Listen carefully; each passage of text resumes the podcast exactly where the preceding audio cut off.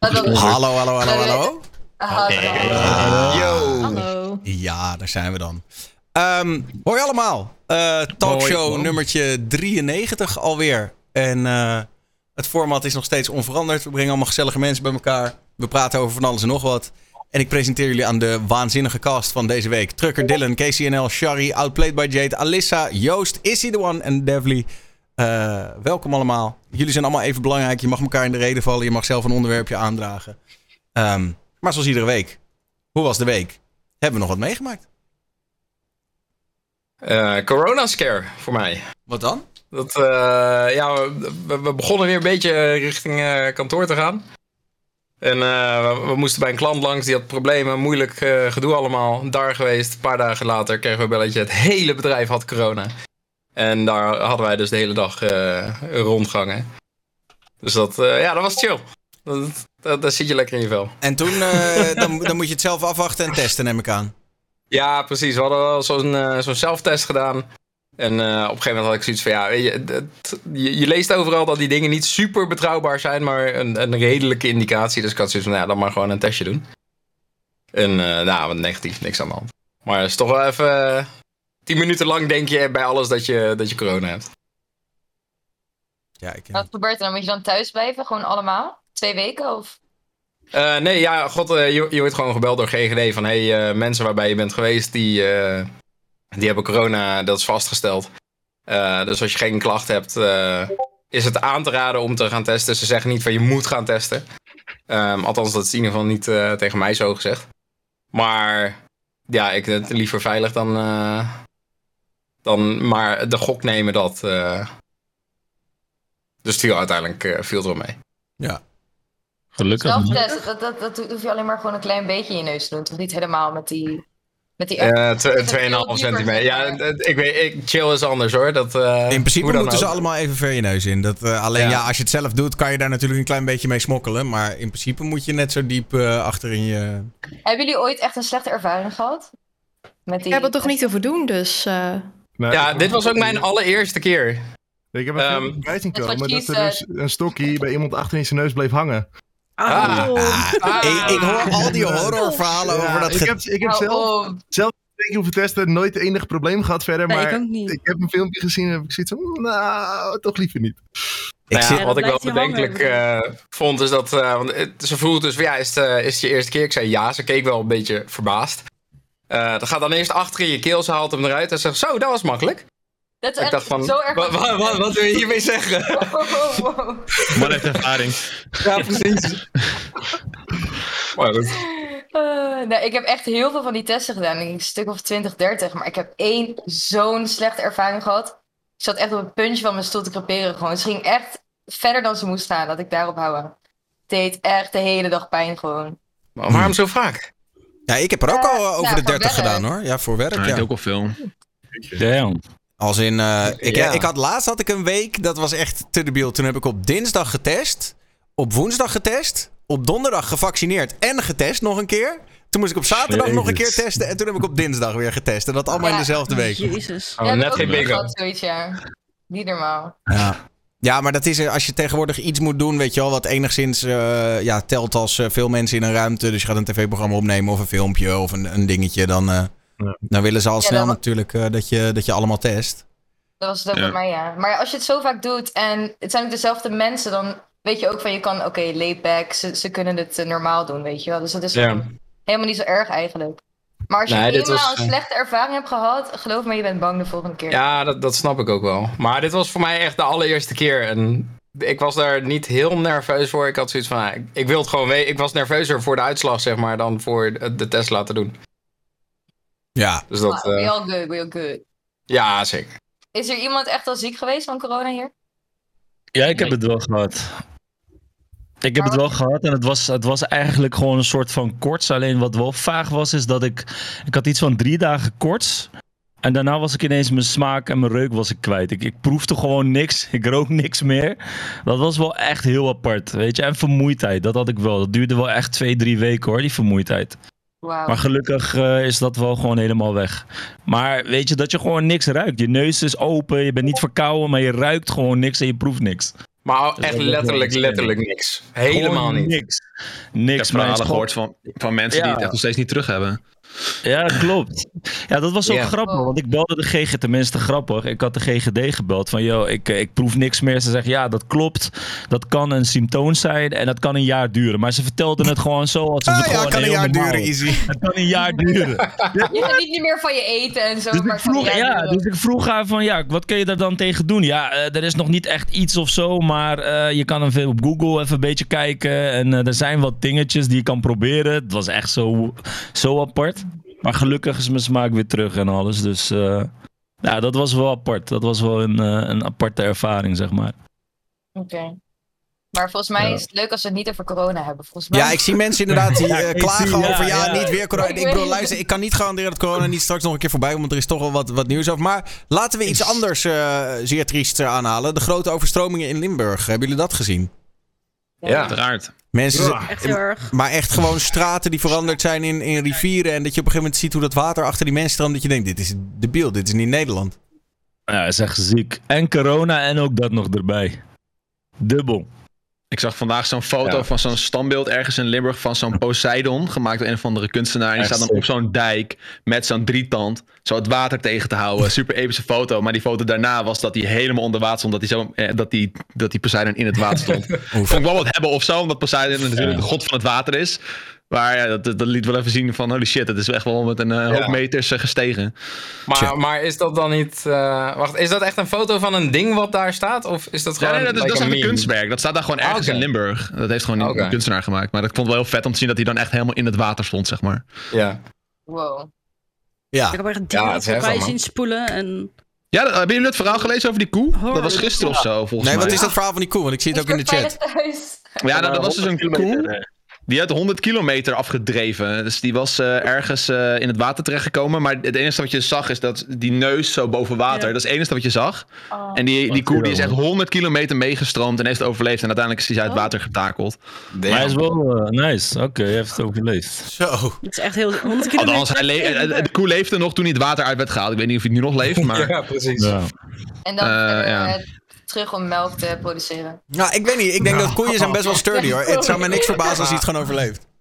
Nou, Ja, de, dat is meeste, gewoon heel- de meeste koeien daar zijn eh graaskoeien. hè? En Geen eh, melk of eh, eh, vleesdieren. Het filmpje was ook heel lijp. Je zag echt alleen zo'n neus boven water. Zo. Oh. Zielig. Maar het is wel bizar hè, dat, eh, dat er wat regen valt. Nou, er is wel heel veel regen gevallen natuurlijk, maar dat er zo'n ravage ontstaat. Weet je, dat is toch echt wel bizar hoor. Tja. Ik zag foto's voorbij komen van mensen die ik ken die daar wonen. En eh, die lieten gewoon foto's zien van... Daar zat ik eerst, gewoon een terrasje.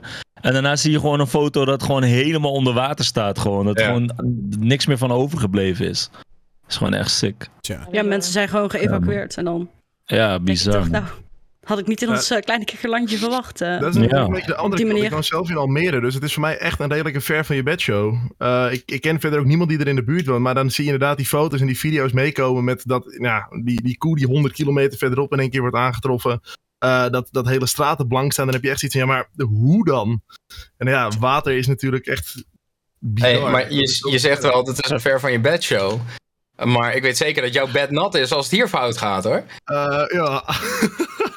ja, Almere ligt geloof ik eh, drie meter onder water, dus als het hier gaat, dan Ja. eh, ben ik ook Nee, ik, had dit inderdaad, ik had dit inderdaad eerder in Almere verwacht dan in Limburg. Ik, vroeg, ik stelde nog van de week de vraag: van waarom is Limburg altijd de lul met dit soort shit? Maar Ja. blijkbaar omdat het daar het knooppunt is van al die rivieren of zo. Die vieren, ja, man. Ja, en omdat je was, eh, een gebied hebt, waardoor je ook van die dallen hebt waar het water in gaat zitten.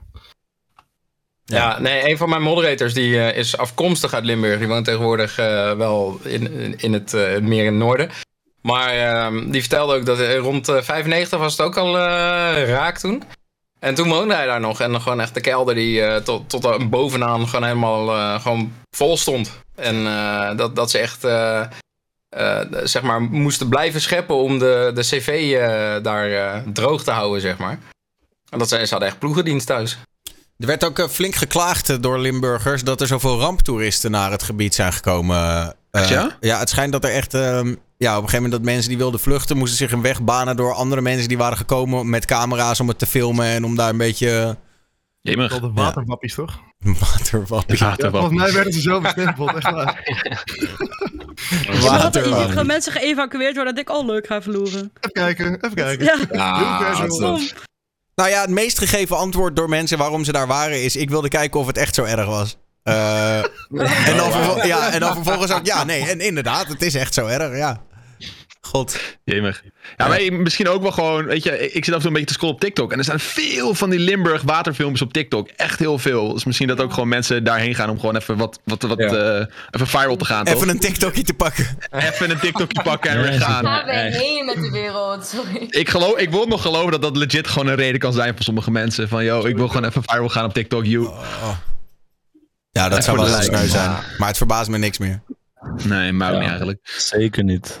Tja. hey, eh, ik... ehm, iemand nog iets voor... eh, nog wat meegemaakt of zo? Of eh, kunnen we wel een beetje de onderwerpjes induiken? Ja, eh, Ja. ik mag eh, weer streamen. je Dus, mag weer streamen. Oh, je was, ja, ge- ik was je weer geband? Nee, ik ben niet gewend. Nooit Oh. gewend geweest. Maar eh, eh, geband eh, via mijn werkgever. Dus, Ja, want, oh, want even voor de mensen die dat niet weten. Jij streamt vanuit je vrachtwagen. En je, Ja. je hebt al meerdere werkgevers gehad. En in eerste instantie reed je eh, voor de Albert Heijn. En eh, toen vond de Albert Heijn het niet leuk. Toen moest je stoppen met het streamen van het vrachtwagenrijden. En toen had je weer een nieuwe werkgever gevonden. En die zei, nou, wij vinden het streamen best oké. Maar uiteindelijk, als ze dan eenmaal erachter komen wat het allemaal precies inhoudt. En dat mensen echt live meekijken en zo. Dan, dan wordt het vaak toch weer een beetje te heet onder de voeten. hè? Eh, nou ja, het was zo van. ehm, na Simon Loos eh, ben ik overgestapt naar een ander bedrijf. Daar heb ik verteld eh, wat ik wilde gaan doen, dus het livestreamen. Maar ja, hij wist, mijn baas wist niet helemaal wat livestreamen inhield en wat het kon en de mogelijkheden. En uiteindelijk heeft hij gezegd van, we gaan het proberen. Eh, ik heb toen mijn camera's erin mogen bouwen. Eh, ik heb drie, meer, eh, drie camera's bijgekocht. En toen ben ik een jaar lang doorgegaan, maar hij heeft eigenlijk nooit meer naar mijn gekeken. Hij vond het wel best. En drie maanden geleden heb ik dus een gesprek niet gemute tussen mij en een planner. En daar heeft dus een kijker van mij heeft een e-mailtje naar mijn baas gestuurd. En eh, ja, toen zei hij van, we hebben nu een klacht binnen, je moet al je camera's eruit Maar halen. wat, En wat, denk, was, "Ah, wat, was een, eh, wat was dat voor gesprek dan?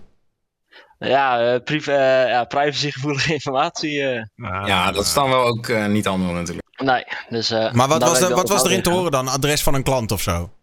Nee, daar, eh, dat niet, maar gewoon eh, qua werkwijze. Hm. Maar Eh, was het ook echt heel erg vertrouwelijk? Dat jij ook zegt van, ah, dat had ik ook echt niet moeten laten horen? Of was het meer zo van, Eh, joh, stel je niet zo aan? Nou ja, het, het kan wel het eh, bedrijf kwaad doen eh, qua regelgeving. eh. Ja, oké. Dus ja, Dan snap ik hem wel. daar heb ik dus mijn excuus voor aan eh, geboden. Ehm, daarna heb ik geprobeerd om eh, zeg maar alles in te stellen met ook dat de moderators kunnen muten en wat dan ook. Alles voor elkaar gekregen. Toen mocht het nog steeds niet. Dus ik heb in totaal drie eh, gesprekken gehad. En op een gegeven moment eh, heb ik besloten om dan ontslag te nemen. En Oh. Hm. toen uiteindelijk, eh, nadat ik nog twee weken heb gewerkt, kwamen ze toch naar me toe van: hey, er is zo'n chauffeursnood van. En je werkt goed en we willen je eigenlijk niet Ja. kwijt. Nee, Ah, nodig. ja. Toen, toen, toen heb ik het goede nieuws gekregen van: eh, je mag, je mag weer. toch streamen? Maar ik, ik, mag, ik mag weer streamen, alleen dan wel onder eh, ja, strikte regels. Dus mijn baas is nu wel echt eh, oplettend mee aan het kijken. En, eh, Ja. Kijk uit wat je zegt. Maar neem je dat dan ook op in, in je, je, je contract, in je arbeidsvoorwaarden? ja, die, dat dat er ook echt daadwerkelijk in staat dat je dit mag doen? dat hebben ze nu gedaan, ja. Oké. Dus Netjes. nu staat alles op papier. Ik vind het wel een heel leuk idee. Ja, ja het, eh, het was ook een beetje begonnen om meer eh, awareness te krijgen over eh, wat het is om in een vrachtwagen te rijden, hoe, hoe het reageert op de weg waar je op let als vrachtwagenchauffeur. Maar ook gewoon echt om jonge mensen aan te trekken naar het chauffeursvak. Want ik weet nog heel goed dat wanneer ik chauffeur wilde worden, ik zag allemaal oudere mensen met bierbuiken zitten en een beetje stoer lopen praten. En ik denk, ik pas daar helemaal niet tussen. Totdat je achter het stuur gaat zitten en ja, het, is- het rijden is gewoon eigenlijk topwerk. Je hebt geen baas die tegen je schreeuwt. Je mag eh, zelf kiezen wanneer je pauze houdt. En eh, het is eh, een relaxed rondrijden eigenlijk. En het combineert heel goed met streamen. Dat blijkt. Ja, ja lekker. Ehm, Want zit je Maar ook hoe zit het dan met het lezen? Hoe zit het dan met het lezen van de chat? Is dat niet een gevoelig dingetje? Als je aan het rijden bent? Eh, nou ja, ik heb er ehm, aan het begin eh, heb ik eh, TTS gebruikt, dus text-to-speech. Eh, maar omdat ik mijn hele werkdag stream, dat is ongeveer 12 tot 15 uur. En dan de hele dag hetzelfde stemmetje horen en je kan het moeilijk uitzetten. Ik vond dat vervelender als eh, zeg maar eh, de chat naast mijn navigatie hebben. En ik lees de chat eigenlijk alleen wanneer het veilig is. Ja. Dus ik, ik maak zelf de keuze of het wel kan of het niet kan. En ik zeg ook heel duidelijk tij- tijdens het rijden van ik mis heel veel van de chat. Omdat ik me moet focussen op de weg. En vrachtwagens die hebben ook meerdere eh veiligheidsaspecten erin zitten. Van als je van de baan afgaat, dan gaat hij piepen. En eh, hij remt automatisch op een bepaald punt als jij niet gaat remmen. En er komt Oké, een object echt bij. Ja, er zit echt heel veel. eh, Ja, daar is toch in. toen eh, dat, dat zo'n heel ding mee geweest dat eh, mensen echt te dicht voor een eh, vrachtwagen gingen rijden op de Ja. snelweg. En dat die, die vrachtwagen dan gewoon echt eh, meteen op hol slaat. Dat- Ik weet niet meer of dat Ja. expres was of dat dat per ongeluk was Nee, maar gegaan dat is wel, dat is wel de bedoeling. Want ik, ik ken nog eh, van- vanuit vroeger van de radio. had ik vroeger veel contact met een, eh, een vrachtwagenchauffeuse. Die, eh, die, die vaak be- belde. En die zei dat ze een keer, eh, dat ze een keer bij het stoplicht stond. En eh, optrok. En ze rijdt weg. En, eh, en eh, de- de- vijf minuten later denkt ze: wat hoor ik nou toch voor raars? Bleek dus dat er een mini voor haar stond bij het stoplicht. Een, een, een- zo'n autootje, een mini. En zij had gas gegeven. En die vrouw die, die was zeg maar tegen de voorkant van die vrachtwagen eigenlijk geplakt met die mini. En die vrouw zat alleen maar gewoon op de rem te drukken vijf minuten lang. Maar die vrachtwagen duwde gewoon die mini vooruit. Alleen Ja, omdat, die heeft geit. omdat je zo hoog zit natuurlijk. Zij, zij keek gewoon over die mini heen. Dus zij zag dat helemaal niet, zeg maar. Wow. Ja. Dus, later. eh, Dus ik kan me voorstellen dat zo'n autobreaking eh gebeuren... dat dat wel fijn is om te hebben. Ja, Maar, en, eh, maar, hoe zit, ja. maar hoe zit het dan, eh Dylan, met eh, Twitch? Eh, heb je daar nooit wat eh, van gehoord? Of mag dat Mm. gewoon? Nee, ik, eh, ik ben eh, partner geworden eh, met dit. En ik heb Oh, eigenlijk voor de rest nooit eh, wat van gehoord. eh. Je hebt eh, eigenlijk altijd, dit was altijd jouw content dus, gewoon rijden Ja. en streamen zeg maar. Oké, Ja, oké. ik, eh, ik heb heel vroeger, eh, toen ik begon met Twitch, was ik eh, alleen maar games aan het streamen. En eh, dat, eh nou had ik mijn 50 volg- eh, volgers gehaald en affiliate geworden. Toen ben ik eh, twee jaar niet eh, gaan streamen. En op een gegeven moment dacht ik van, nou ik ga mijn werk streamen in de vrachtwagen. En eigenlijk binnen 34 streamdagen heb ik, eh, ben ik partner geworden. was mijn eerste aanvraag. Ik heb daar goed in geschreven van wat ik wilde gaan doen. En, en uiteindelijk de eerste keer partner geworden. Nice, Ja, ja. ja. Het werkt toch wel. hè. Het is toch wel bizar om te zien. Tenminste, bizar. Het werkt wel dat IRL, zeg maar, mensen vinden dat gewoon super tof. Of zo, om te kijken als iemand gewoon op pad is. Of het nou op een scooter is. Of... Mensen willen gewoon graag verrast truck. worden, eh, is. Ik Ja. denk dat, weet je, zodra Ja. jij, weet je wel, de, de- ik heb dit al eens eerder gezegd, maar als ik, ik kijk naar een, naar een thumbnail, naar een titel en naar een game, en als ik op basis daarvan eigenlijk al weet wat er gaat gebeuren, vind ik het niet interessant Ja. om te kijken. Terwijl, als je op basis van de thumbnail en de titel al denkt, hè, wat is hij aan het doen? Dan ga je klikken Ja. natuurlijk. Ja, maar er zijn, wel, er zijn wel categorie kijkers natuurlijk. Je hebt natuurlijk ook gewoon eh, kijkers op Twitch die het gewoon leuk vinden om naar games te kijken. Überhaupt of ze de game al kennen. Maar eh, voor een, groot publiek is dat wat jij zegt eh, juist spannend om inderdaad een Twitch in- of een, een stream in te duiken waar je niet kan verwachten wat er gaat gebeuren. Weet je, je wordt verrast. En dat is, dat is vaak met die IRL. Maar Dus zelfs, zijn wel ja. zelfs gamingkijkers zijn wel, eh, houden wel van variatie. Toch? Want je ziet het ook als er echt een nieuwe game uitkomt, dan heeft dat in één keer veel, veel Ja. meer kijkers. Want nieuw, gewoon nieuw is interessant, toch? En IRL is steeds weer nieuw. Maar dat, Ja, dat ja, sterft ook wel weer heel Ja. snel af eh, met nieuwe games. Het is echt eh, twee, drie dagen en dan is die hype van een nieuwe game is wel klaar. Ja. Je, vaak Heb ik het idee in ieder geval. Dat mensen gewoon een impressie willen van, is het het waard om te Ja, kopen of precies. En op het moment dat ze een uur gameplay kijken, dan hebben ze zelf zoiets van, ja, op zich, eh, ik kan hem best halen of niet. En daarna is je interesse in die game gewoon weg. Tja. Eh, ik heb wel een klein eh, topic wat hier een beetje op aansluit. En dat is streamer Aiden Ross. Die is geband voor gevaarlijk rijgedrag. Eh, maar die maakt het ook wel heel bond, moet ik jullie eerlijk toegeven. Kijk even mee naar het, het clipje wat ik daarvan van heb gevonden. Hij zit in de auto. En hij zei achteraf zei hij dat hij bij het stoplicht stond en toen even op zijn telefoon keek. Ehm, maar als je het clipje ziet, dan... Nou ja, goed. Kijk maar even mee. Eh Aiden Ross, hier. Hij, hij kijkt dus op zijn telefoon ondertussen. Chat, can you hear me? Yes or no?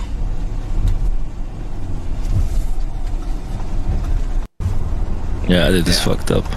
Ja, Kijkt echt heel vaak. dus hij zit de hele tijd op zijn telefoon te kijken. Hij heeft hem ook in zijn hand vast.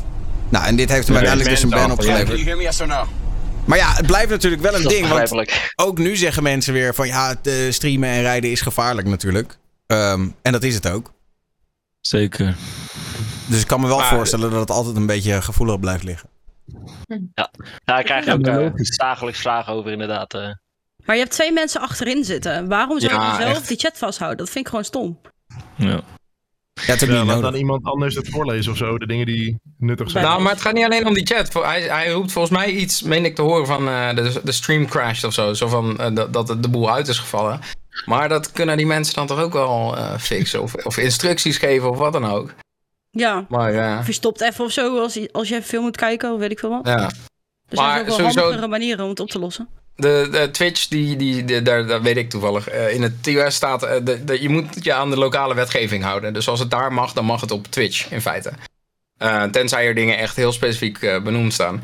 Ehm, Maar gevaarlijk rijgedrag staat specifiek en- benoemd, hè? ja, ja, is dat zo? Ja. Ehm, nou, dat, dat weet ik dan, eh, dan niet exact. Kan ik over meepraten? En, ik heb, dat is de enige band die ik ooit heb gehad. Dus eh, ik, ik weet dat die erin staat. ja, precies. En ehm, eh, ja, weet je, in Nederland, je mag je telefoon niet in je handen hebben. Maakt niet uit of hij aan, uitstaat of wat dan ook. Je mag hem gewoon niet in je handen hebben. Ehm, dus als jij, maar er, staat, er is niks waarmee je hem niet zou mogen mounten in je auto en ernaar zou kijken, eh, evenals bijvoorbeeld een eh, navigatietoestel. Toevallig gisteren met mijn broertje besproken dat we gaan roadtrippen door Europa. Best een flinke rit ook, eh 3.500 kilometer ongeveer.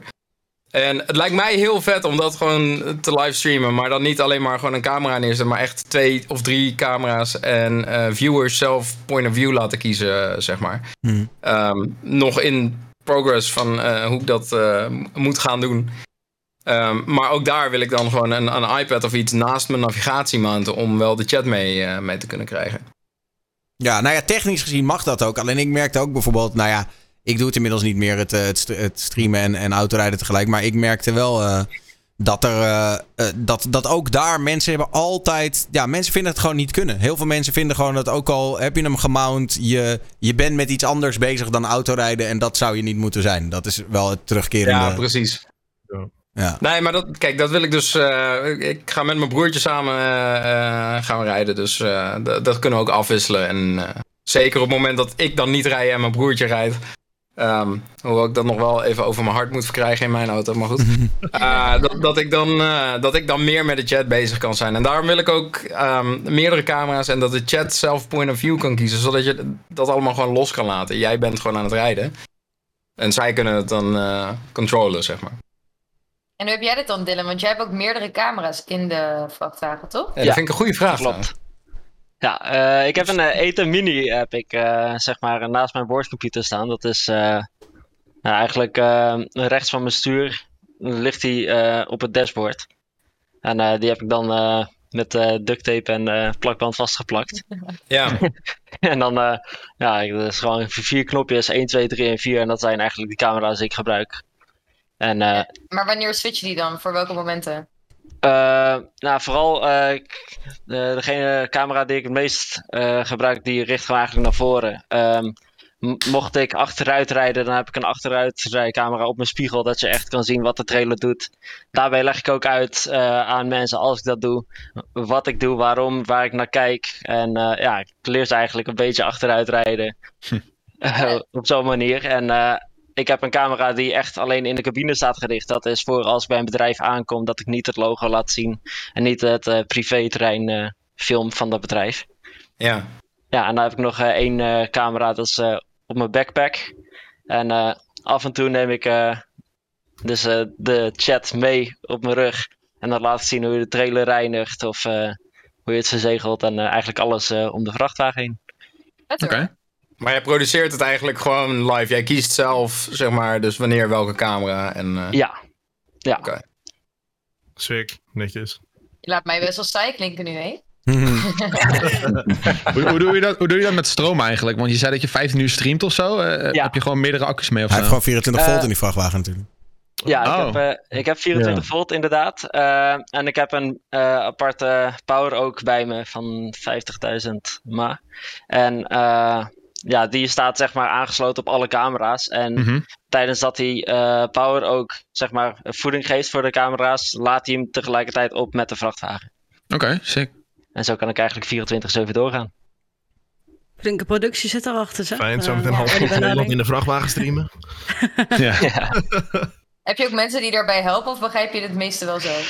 Eh, nou, toen ik begon, ik, ik ben helemaal niet technisch aangelegd. Dus eh, aan het begin heb ik heel veel eh, hulp gekregen van Daniel en zijn team. Zeg maar, Oh. om ook de servers te laten runnen. En internet, heel veel vragen over gehad. En ja, uiteindelijk is het gelukt, maar dat heb ik niet zonder community kunnen doen. Nou, en andersom ook wel trouwens. Want Dylan was een van de allereerste die hier echt mee ging klooien met meerdere camera's en zo. Dus wij hebben ook heel veel geleerd van alle gekke shit die Dylan is tegengekomen. Dus dat was wel, eh, Ja. was wel tof. Jij was echt de eerste die zoiets had van, oh, ik ga met meerdere camera's dit doen en zo. Het is wel... Ik heb nog wel een klein, klein topicje wat hierop aansluit. Omdat jij natuurlijk in het Engels streamt, Dylan. Engels of Nederlands streamen? Wat zijn de voor- en, en nadelen van het streamen in het Engels?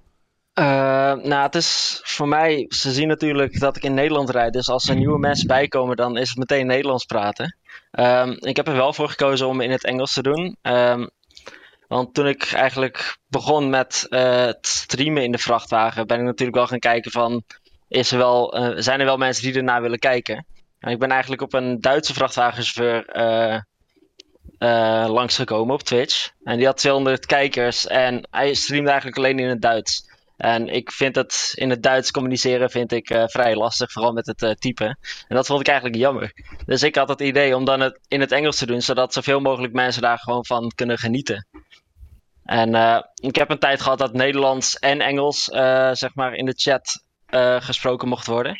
Maar wat je wel zag is als het Nederlands, het Nederlandse zeg maar de overhand neemt, de Nederlandse taal, dan zie je toch wel dat er heel veel kijkers weggaan omdat ze het dan buitengesloten voelen. Ja. En eh, ja, daarom heb ik ervoor gekozen om toch in het Engels te gaan streamen. Want ik, ik zie het zo van Nederland leren bijna alle mensen nu Engels op school. En ja, veel Nederlanders spreken ook Engels of een beetje.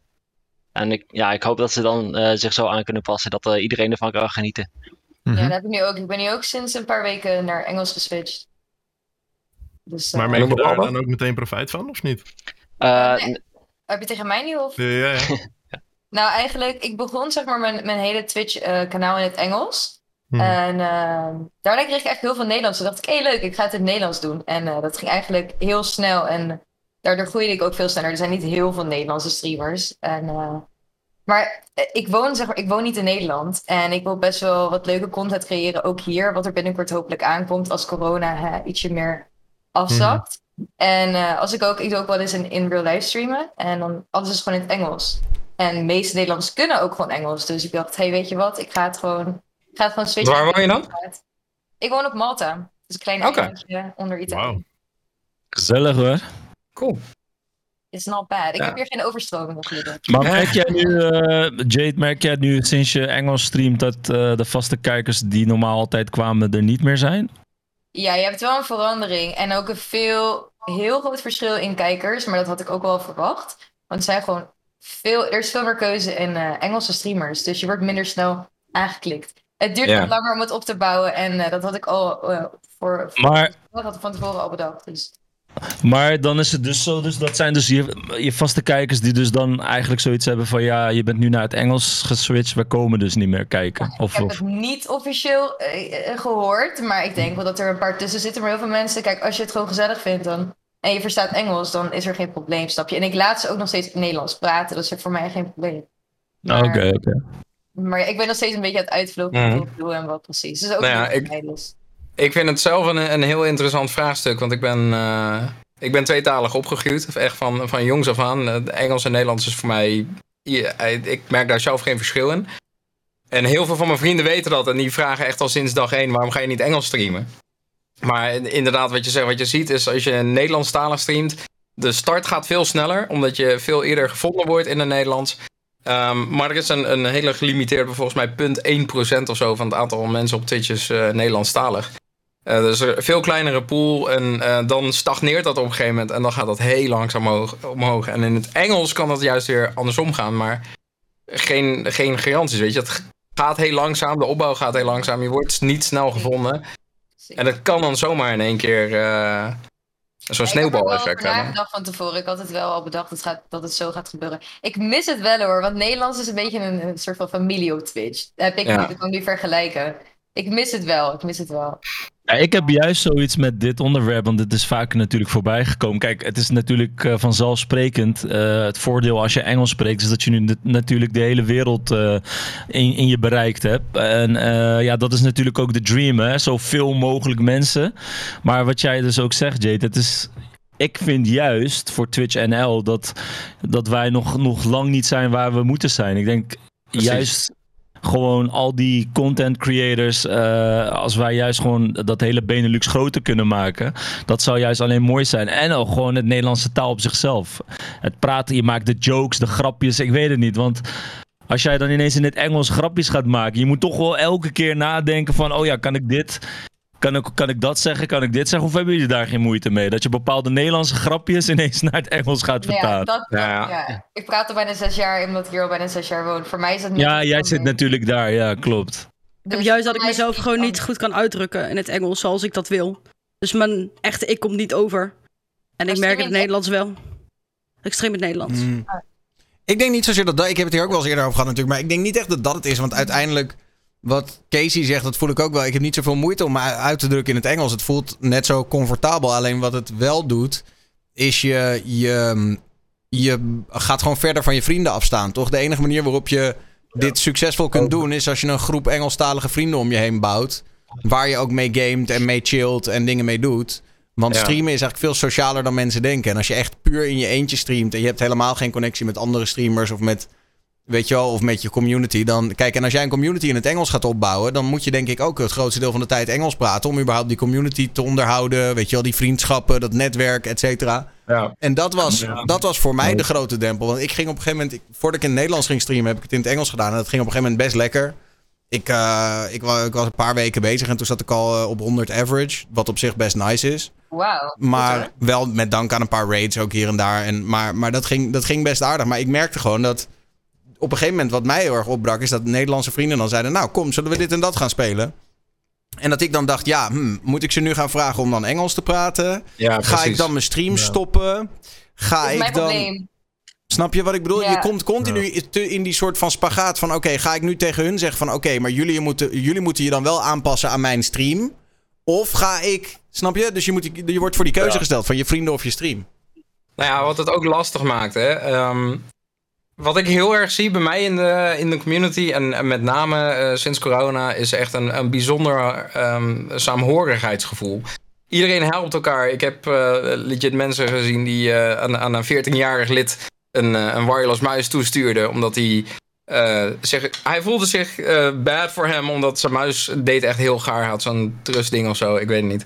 En hij, hij kon zich herinneren dat hij 14 was en geen geld had. En zijn ouders wilden dat niet voor hem kopen. Dus hij, weet je, hier krijg je van mij. Ehm, dat, dat soort dingen. ehm, en dat is dan, zijn de corona-voorbeelden eigenlijk. Want ja, we kunnen niet echt samenkomen nu. Maar dat heb je veel minder als, als de ene persoon in eh, Wit-Rusland zit en de andere zit in eh, Kreta of zo. Dat, dat gebeurt minder snel. Je hebt minder het gevoel van: hé, hey, jou, ik, ik kan echt een band met jou opbouwen. En onderling binnen de community in ieder geval. En ehm, weet je, dat, dat is toch wel iets wat, wat ik, eh, waar ik bijzonder veel waarde in hecht. We hebben ook regelmatig dat we hier in Almere eh, in, op het strand gewoon random zeggen... hey, overmorgen wordt mooi weer. Wij zijn daar, sluit aan als je wilt. Ehm, dat soort dingen kan dan ook niet of heel moeilijk, weet je. Dan moet je het plannen om events zoals eh, E3 of TwitchCon of, of noem het maar op. Wel zielig dat het dan in Almere moet. Ja, precies. Maar ja, weet je, dat, dat is voor mij het minste moeite. Dus, eh. Zo flauw. Zo flauw. Maar nee, je hebt wel gelijk. Dat is natuurlijk wel de, de magic, toch? Dat je elkaar, dat je wat meer, Ja. eh, dat je wat, eh, dat je gewoon wat dichter bij elkaar staat. En dat je niet de hele tijd gedwongen wordt om te kiezen tussen taal en gezelligheid en zo. Nou, Gewoon Ja, Nederlands streamen. Ja, toch. Hey, ja, maar ook dat, hè? Oh, ja, sorry. nee, vertel. Nee, ja, dat, dat, je zei het net eigenlijk al even. Is gewoon dat ehm, het, het, opbouwen, en eh Izzy zei dat ook, het opbouwen van, van gewoon Twitch Nederland eigenlijk, Twitch Benelux. Eh, weet je, het aanhaken van lokale partners en, en, en eh, dat gewoon allemaal serieuzer maken. Want de, meeste partners zijn allemaal internationale bedrijven die het al kennen van, van elders. Ehm, maar relatief weinig non-gaming bedrijven in ieder geval, die lokaal zijn, die daar echt, ehm, naar mijn mening, in zijn gestapt. En dat begint ook steeds meer te komen. En dat is wel zonde als, we, als mensen dan massaal Engels gaan. Want die Nederlandse partners, die, die lokale partners, hebben daar eigenlijk niks aan. Nee, oké. Maar goed, ja, ik bedoel, als je die, die discussie wil voeren. Kijk, dat, dat op dit moment hebben, eh, heb je daar ook als, als eh, brand niet heel veel aan natuurlijk. Twitch is nou, daar gewoon... ben ik de- niet mee eens. nou, Daar ja, ben ik echt niet mee eens. Nou ja, kijk, ik bedoel, tuurlijk, tuurlijk valt er fatsoenlijk een pu- publiek te bereiken. En kun je absoluut wat doen op Twitch. Daarom wordt er ook steeds meer in geïnvesteerd. Alleen waar ik een beetje naartoe wil is, toevallig was ik van de week was ik op een eh, event. En toen kwam iemand uit de scene, eh, weet je wel, de, de, de influencer marketing slash gaming marketing scene kwam naar mij toe. En die was een beetje, ik zal zijn naam niet noemen, maar- maar hij weet wie hij is. En hij, ehm, en hij zei tegen mij van ja, ik vind het toch wel frustrerend, weet je wel. Dat we toch het gevoel hebben van nou gaat het eindelijk gebeuren. Maar dan gebeurt het toch net niet. En ik zeg ja, wat dan? En toen zei hij ja, laten we heel eerlijk wezen. OnlyFans heeft op dit moment meer naamsbekendheid dan Twitch. En die heb ik het hele weekend een beetje op mij laten inwerken. Oh. En ik ben tot de conclusie gekomen dat het waar is. Eh, en, en dat is wel iets waar je op dit moment wel rekening mee moet houden. OnlyFans is een platform wat veel later is gekomen. En in een recordtempo op Twitch voorbij is gegaan qua naamsbekendheid en qua relevantie in de media. En het is best wel pijn om te, pijnlijk om te horen. En daarom heb ik, heb ik ook echt een weekend ge- nodig gehad om dit op me in te laten werken. Maar het is wel waar. OnlyFans is op dit Ja. moment bekender dan Twitch. En het is later begonnen. En dat is wel omdat er een soort van iets is waardoor Twitch nog niet echt, zeg maar, mainstream doorbreekt. Ehm, Ja, maar, dat- ja, maar kijk, bro, als jij- zien is op OnlyFans, natuurlijk gaat dat sneller voor... eh, Nog ja. seks en controversie. Eh, tuurlijk. OnlyFans, mensen lopen daar paga te slaan voor vaderland. Nee, ja, maar dat doen ze hier ook. eh, is hij, eh, Ja, Maar waar- waarom denk je dat, waarom denk je dat Ja, Twitch die zo? Pools-categorie heeft toegevoegd? Dat is gewoon eh, de poging om ook weer een beetje relevant te worden.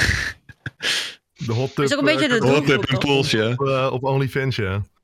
Maar op dit moment, ik heb het idee dat heel veel mensen Twitch nog steeds zien als een gamingplatform. ja.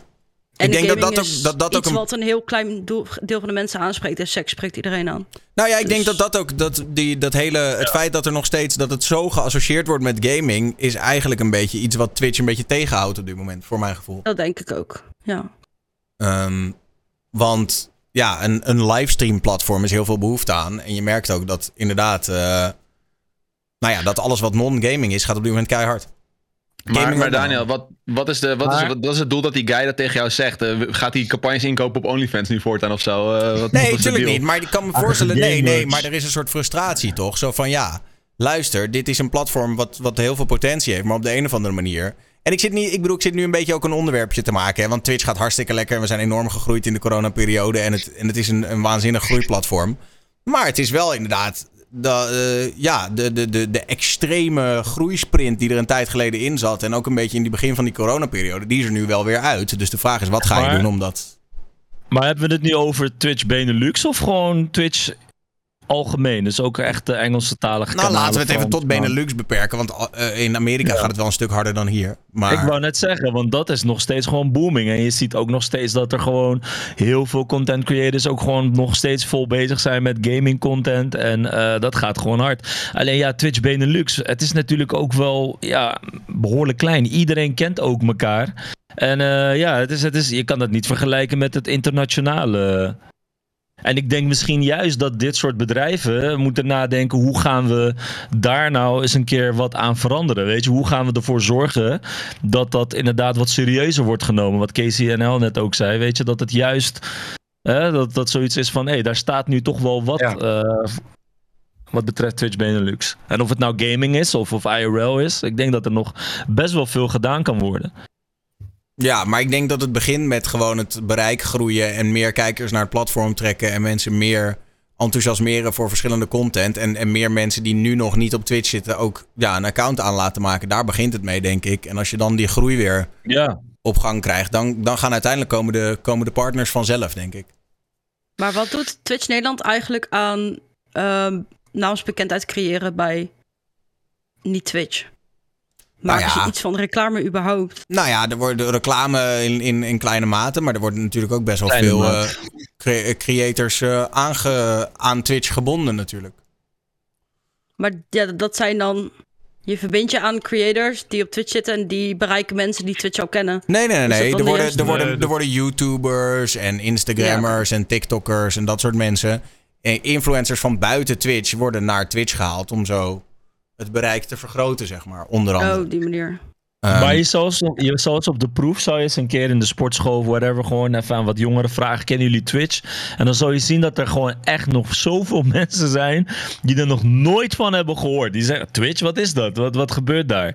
Klopt. Het, daar valt nog zoveel eh, eh, ja, nog aan te doen, weet je. Inderdaad, qua campagnes, reclames van, joh, Twitch-platform waar er eh, van alles en nog wat gebeurt. Ja. Maar OnlyFans maakt toch ook niet echt reclame voor hun platform, of wel? nee, Nee, maar dat gaat van, dat gaat van eh, ja, mond tot mond. Ehm, dat is. eh, Weet je, dat, ja, precies. Dus dat, dat en eh, van die eh, eh, media, nou, schandaaltjes zijn het niet. Maar eh, zoals, eh, hoe heet die vent ook weer uit goede tijden?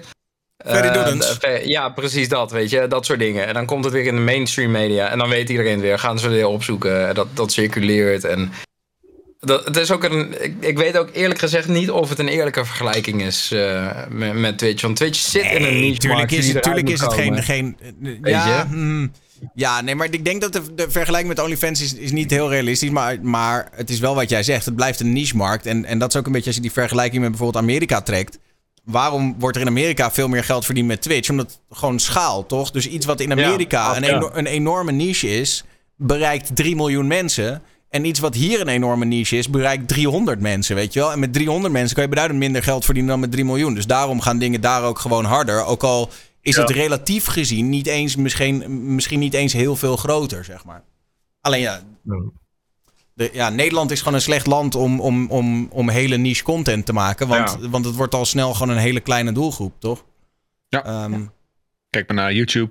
Ja, Je maar dat is een beetje hetzelfde. Als je, als je bijvoorbeeld in, in Nederland, als je specifiek op Nederland survival video's zou gaan maken van hoe bouw ik een hut in het bos. Ja, dan heb je misschien, eh, als je het heel goed doet, 20.000 views. Maar die 20.000 views internationaal kunnen zich vertalen naar 2 miljoen. Omdat er over de hele wereld misschien Ja. veel meer mensen geïnteresseerd zijn in een hut bouwen. Dat, dat is een beetje het probleem. Ja. Maar is het niet ook Klopt. dan een beetje dat Twitch zich voornamelijk focust op de jongeren? Want ik denk ook best wel dat als je naar oudere kijkers kijkt, bijvoorbeeld 30 plus, dat er heel veel mensen zijn Wow. die Ja. ouderen dan 30, Ja? dan, dan 30 min, oké. Oké. Wow, in één keer een opa. very Ja, old man. Oké, laat ik het anders verwoorden. Ehm de mensen op Twitch onder de 30 is denk ik groter dan boven de 30. En is het niet een idee dat Twitch misschien ook daarnaar gaat kijken? Bij de mensen die zich houden bij eh, oude media, laat ik het zo verwoorden. Jij wil de geheugentrainer op Twitch hebben. Nee, maar ik bedoel, er zijn mensen die koken, er zijn mensen die in een truck rijden. Het is niet alleen Twitch. Ik heb het idee dat zij zich heel erg mikken op de jongere doelgroep, terwijl er ook best wel veel ruimte is voor de oudere doelgroep. Adverteert eh, Twitch. Zeg maar niet Ja. dan door bijvoorbeeld eh creators te kopen, maar gewoon echt een, eh, een, Nee, ja, ja, ja. een pre-roll op tv of zo. Of Nou, op, eh, niet zozeer dat soort cla- classic advertising. Maar wat ze bijvoorbeeld laatst hadden gedaan, dat was best wel cool. Hadden ze op eh, Times Square in New York, hadden ze allemaal van die billboards afgehuurd. En dan werd zeg maar om de minuut werd er een andere Twitch-streamer gefeatured. Dus op een gegeven moment zag je echt van... This is Joost speelt spellen. Check out his stream. En dan een hele korte reel van dingen. En dan zag je aan het einde een foto van jou zo, weet je wel. Die een beetje zo... En dan einde, this is Joost, this is Twitch. Weet je wel, dat was dan de, de, de tagline. Ja, maar goed, dat is wel weer Amerika, weet je. Nou, het wordt ook dat wel in in Londen Nederland- gedaan en in Duitsland en in dat soort plekken. Kijk, Nederland. Ja, Ik, denk, ik denk dat ze voor Nederland eerst nog even een beetje die, die Amazon-integratie willen pushen. Dat eerst meer mensen Ja. Amazon en Amazon Prime gaan hebben. Want daar zijn ze nu heel, heel mee bezig. En als dat een beetje loopt, ik denk dat ze dan daarna gaan kijken voor Twitch. Toch? Is dat een logische volgorde? Ja, dat denk ik ook wel. Zo van, oh ja, je hebt Prime nu, cool. Wist je dat je met Prime gratis kan subben op je favoriete streamers? Weet je wel? Dat, soort, dat, dat is dan een beetje een, een, een bruggetje. Dan. ik, ik denk dat het ook wel een beetje. En, en dat is heel veel speculeren hoor. Want ehm TwitchCon eh, zou natuurlijk in Amsterdam gehouden worden vorig jaar. Eh Ja. Ja. Zeg ik dat goed? Kunnen ze vorig ja, ja, Ja. nog steeds vorig jaar. Ehm, en ik, ik denk dat dat ook wel heel veel roet in het eten heeft gegooid. Want weet je, dan, dan is het lokaal, eh, dan komt het ook weer in de media. Ehm, dat, dat is niet iets wat ik denk dat ehm, ongemerkt voorbij gaat, zeg maar. Dus dat, dat is een beetje. Ik neem aan dat er volgend jaar wel een TwitchCon is. Hopen. Maar I don't know. Ehm, in Nederland? sorry? Wie zeggen ze die dan ook weer in Nederland? Volgens Eh, mij is dat wel de planning, ja. Ja. Oké. Maar En, ja, eh, hm, ja. Ja, nee, ik denk, ik denk dat dat wel heel veel eh, gaat bijdragen ook voor, voor Twitch Benelux. En ook bedrijven in, in de Benelux die zich daaraan willen koppelen. Ja, we gaan het zien. Ik hoop dat het doorgaat. Ik vraag me af wat eh, TwitchCon eh, qua, qua streamers gaat, eh, gaat aantrekken, zeg maar. Denk je dat er ook veel mensen uit de, uit de IRL zien en dat soort dingen daar naartoe gaan? Of eh, er zal het echt vooral weer de gros op gaming zijn, bijvoorbeeld? Ik denk dat iedereen daar naartoe gaat. Als in, ik denk dat, Ja? dat, ik denk dat iedere Twitch-partner die enigszins binnen een straal van eh, 500 kilometer van het event zit, die wil daar naartoe, toch? Lijkt mij. Of je Ja, nou... ja, Ja, dat denk ik ook. neerzetten, ja. Nee, dat maar zonder grap. Ik bedoel, Dylan, jij zou toch inderdaad gewoon de vrachtwagen voor de rij Ja. neerzetten? Is toch lachen? Ja, ja, Ja, ik zou erheen gaan met de vrachtwagen inderdaad. Ja. Ja. Ja, oké, want de, de Twitch, TwitchCon was altijd een gamingfest, weet je wel. Dat voorheen dan natuurlijk. Mm. Eh, maar we je? hadden natuurlijk net al een... Ja, het was- het- het- dan heb ik het over twee jaar, drie jaar terug. Kijk, het wordt nu natuurlijk de eerste in, in Nederland. Of tweede, ik weet, ik weet niet. Eerste. Eh, Eerste. Eerste, ja. Eh, ja. Ik ben heel erg benieuwd wat voor mensen erop afkomen. Ja, weet niet of- 2019 was het in Berlijn. Toen was ik er ook naartoe gegaan. Ja, was inderdaad wel heel erg gamegericht. Ja, ja, Ja, toch wel, hè? ja. ja. Ja, want eh, we, we hadden het er net over. Dat Twitch is natuurlijk bezig om zoveel mogelijk eh, het gaminghoekje een beetje te verlaten. En eh, kijk, we hebben ook IRL, kijk, we hebben ook eh Ja. hot tub streamers. Eh, Eh, dat, ik, ik vraag me af hoeveel, hoeveel mensen hun hot tub gaan opzetten daar al in, eh, in de rij. Nee. Ja, toch? Maar ik, ik had begrepen dat... Oh, Hier worden heel veel tickets voor. gewoon eh, voor- voor 50 euro dono mag je gewoon even een, een, een seconde minuutje erbij zitten. Ja, ik ga gewoon om mijn skippybal de hele rij door. Dit wordt episch. Is zin in. ja, precies. Ja, gaat spierpijn krijgen dan. Zo. Ja, dat wordt wel vet. Eh, even over eh, de, de, ja, de- jullie weten de bruggetjes wel echt goed voor mij te slaan vandaag. Want eh, wisten jullie dat IndieFox, eh die bekend was vanwege de hele ASMR-meta, die is nog steeds geband. Oh, dus? Oh, om jullie een idee te geven, zeg maar, je had eh IndieFox en Amorant en die voerden een soort strijd om wie kan het beste, ja, net de regels, ja, wie kan het beste, zeg maar, dat, dat doen. Toen zijn ze op een gegeven moment tegelijk geband. Toen ze heel erg aan die microfoon gingen lopen te likken en zo. Toen waren ze ook tegelijk weer unband. En drie dagen later heeft IndieFox het voor elkaar gekregen om alsnog geband te worden. En nu hebben mensen, slimme mensen hebben uitgevogeld dat ze de partnership sowieso kwijt is. En Oh. waarschijnlijk is het een indefinite ban. Zo. Ja, Maar Gigi Amorant, toch? Ja, precies. ja Amorant wins. Wat was het verschil dan? Waarom, waarom werd zij dan... Nou ja, wat zij precies, kijk, wat ze precies heeft gedaan om geband te worden, dat weet niemand natuurlijk. Want dat, dat we- weet alleen Twitch en zij misschien. Dat is Eh, altijd een beetje vaag, toch? Maar we kunnen er denk ik wel geld op inzetten dat het iets in de hoek van seksualisering. eh, dat het iets daarmee te maken had. Ja, maar Ik ik heb wel flink vage clips voorbij zien komen. Ja, daarom. Ik ben dan benieuwd wat dan, er, ja, wat dan heeft voor gezorgd dat ze weer is geband en Amorant niet.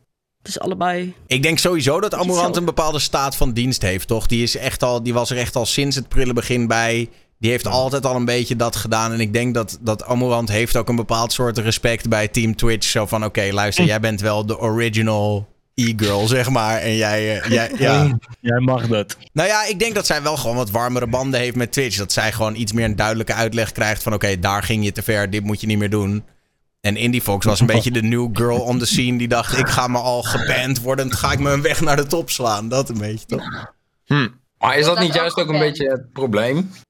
Dat het allemaal een beetje vaag is en per persoon verschillend. Er er is niet echt één hele duidelijke lijn of zo. Ja. Zit wat in. Ja, daar, daar wordt ook het meest over geklaagd. Dat mensen zeggen, ja, het is een beetje oneerlijk... want die ben je wel daarvoor en die niet. Privileges. Ik had laatst ook een foutje. Ja. Ik was ook geband voor een week. Oeps. Wat heb je gedaan Oh. Ik was een eh, video aan het kijken. Die eh, werd een soort van doorgestuurd. En door iemand die ik heel goed vertrouw. En ze hebben, ja joh, die is wel prima. En dat was ook echt een foutje. En die was vergeten dat er een, een scène in de slaapkamer was. Wat gewoon bedekt was.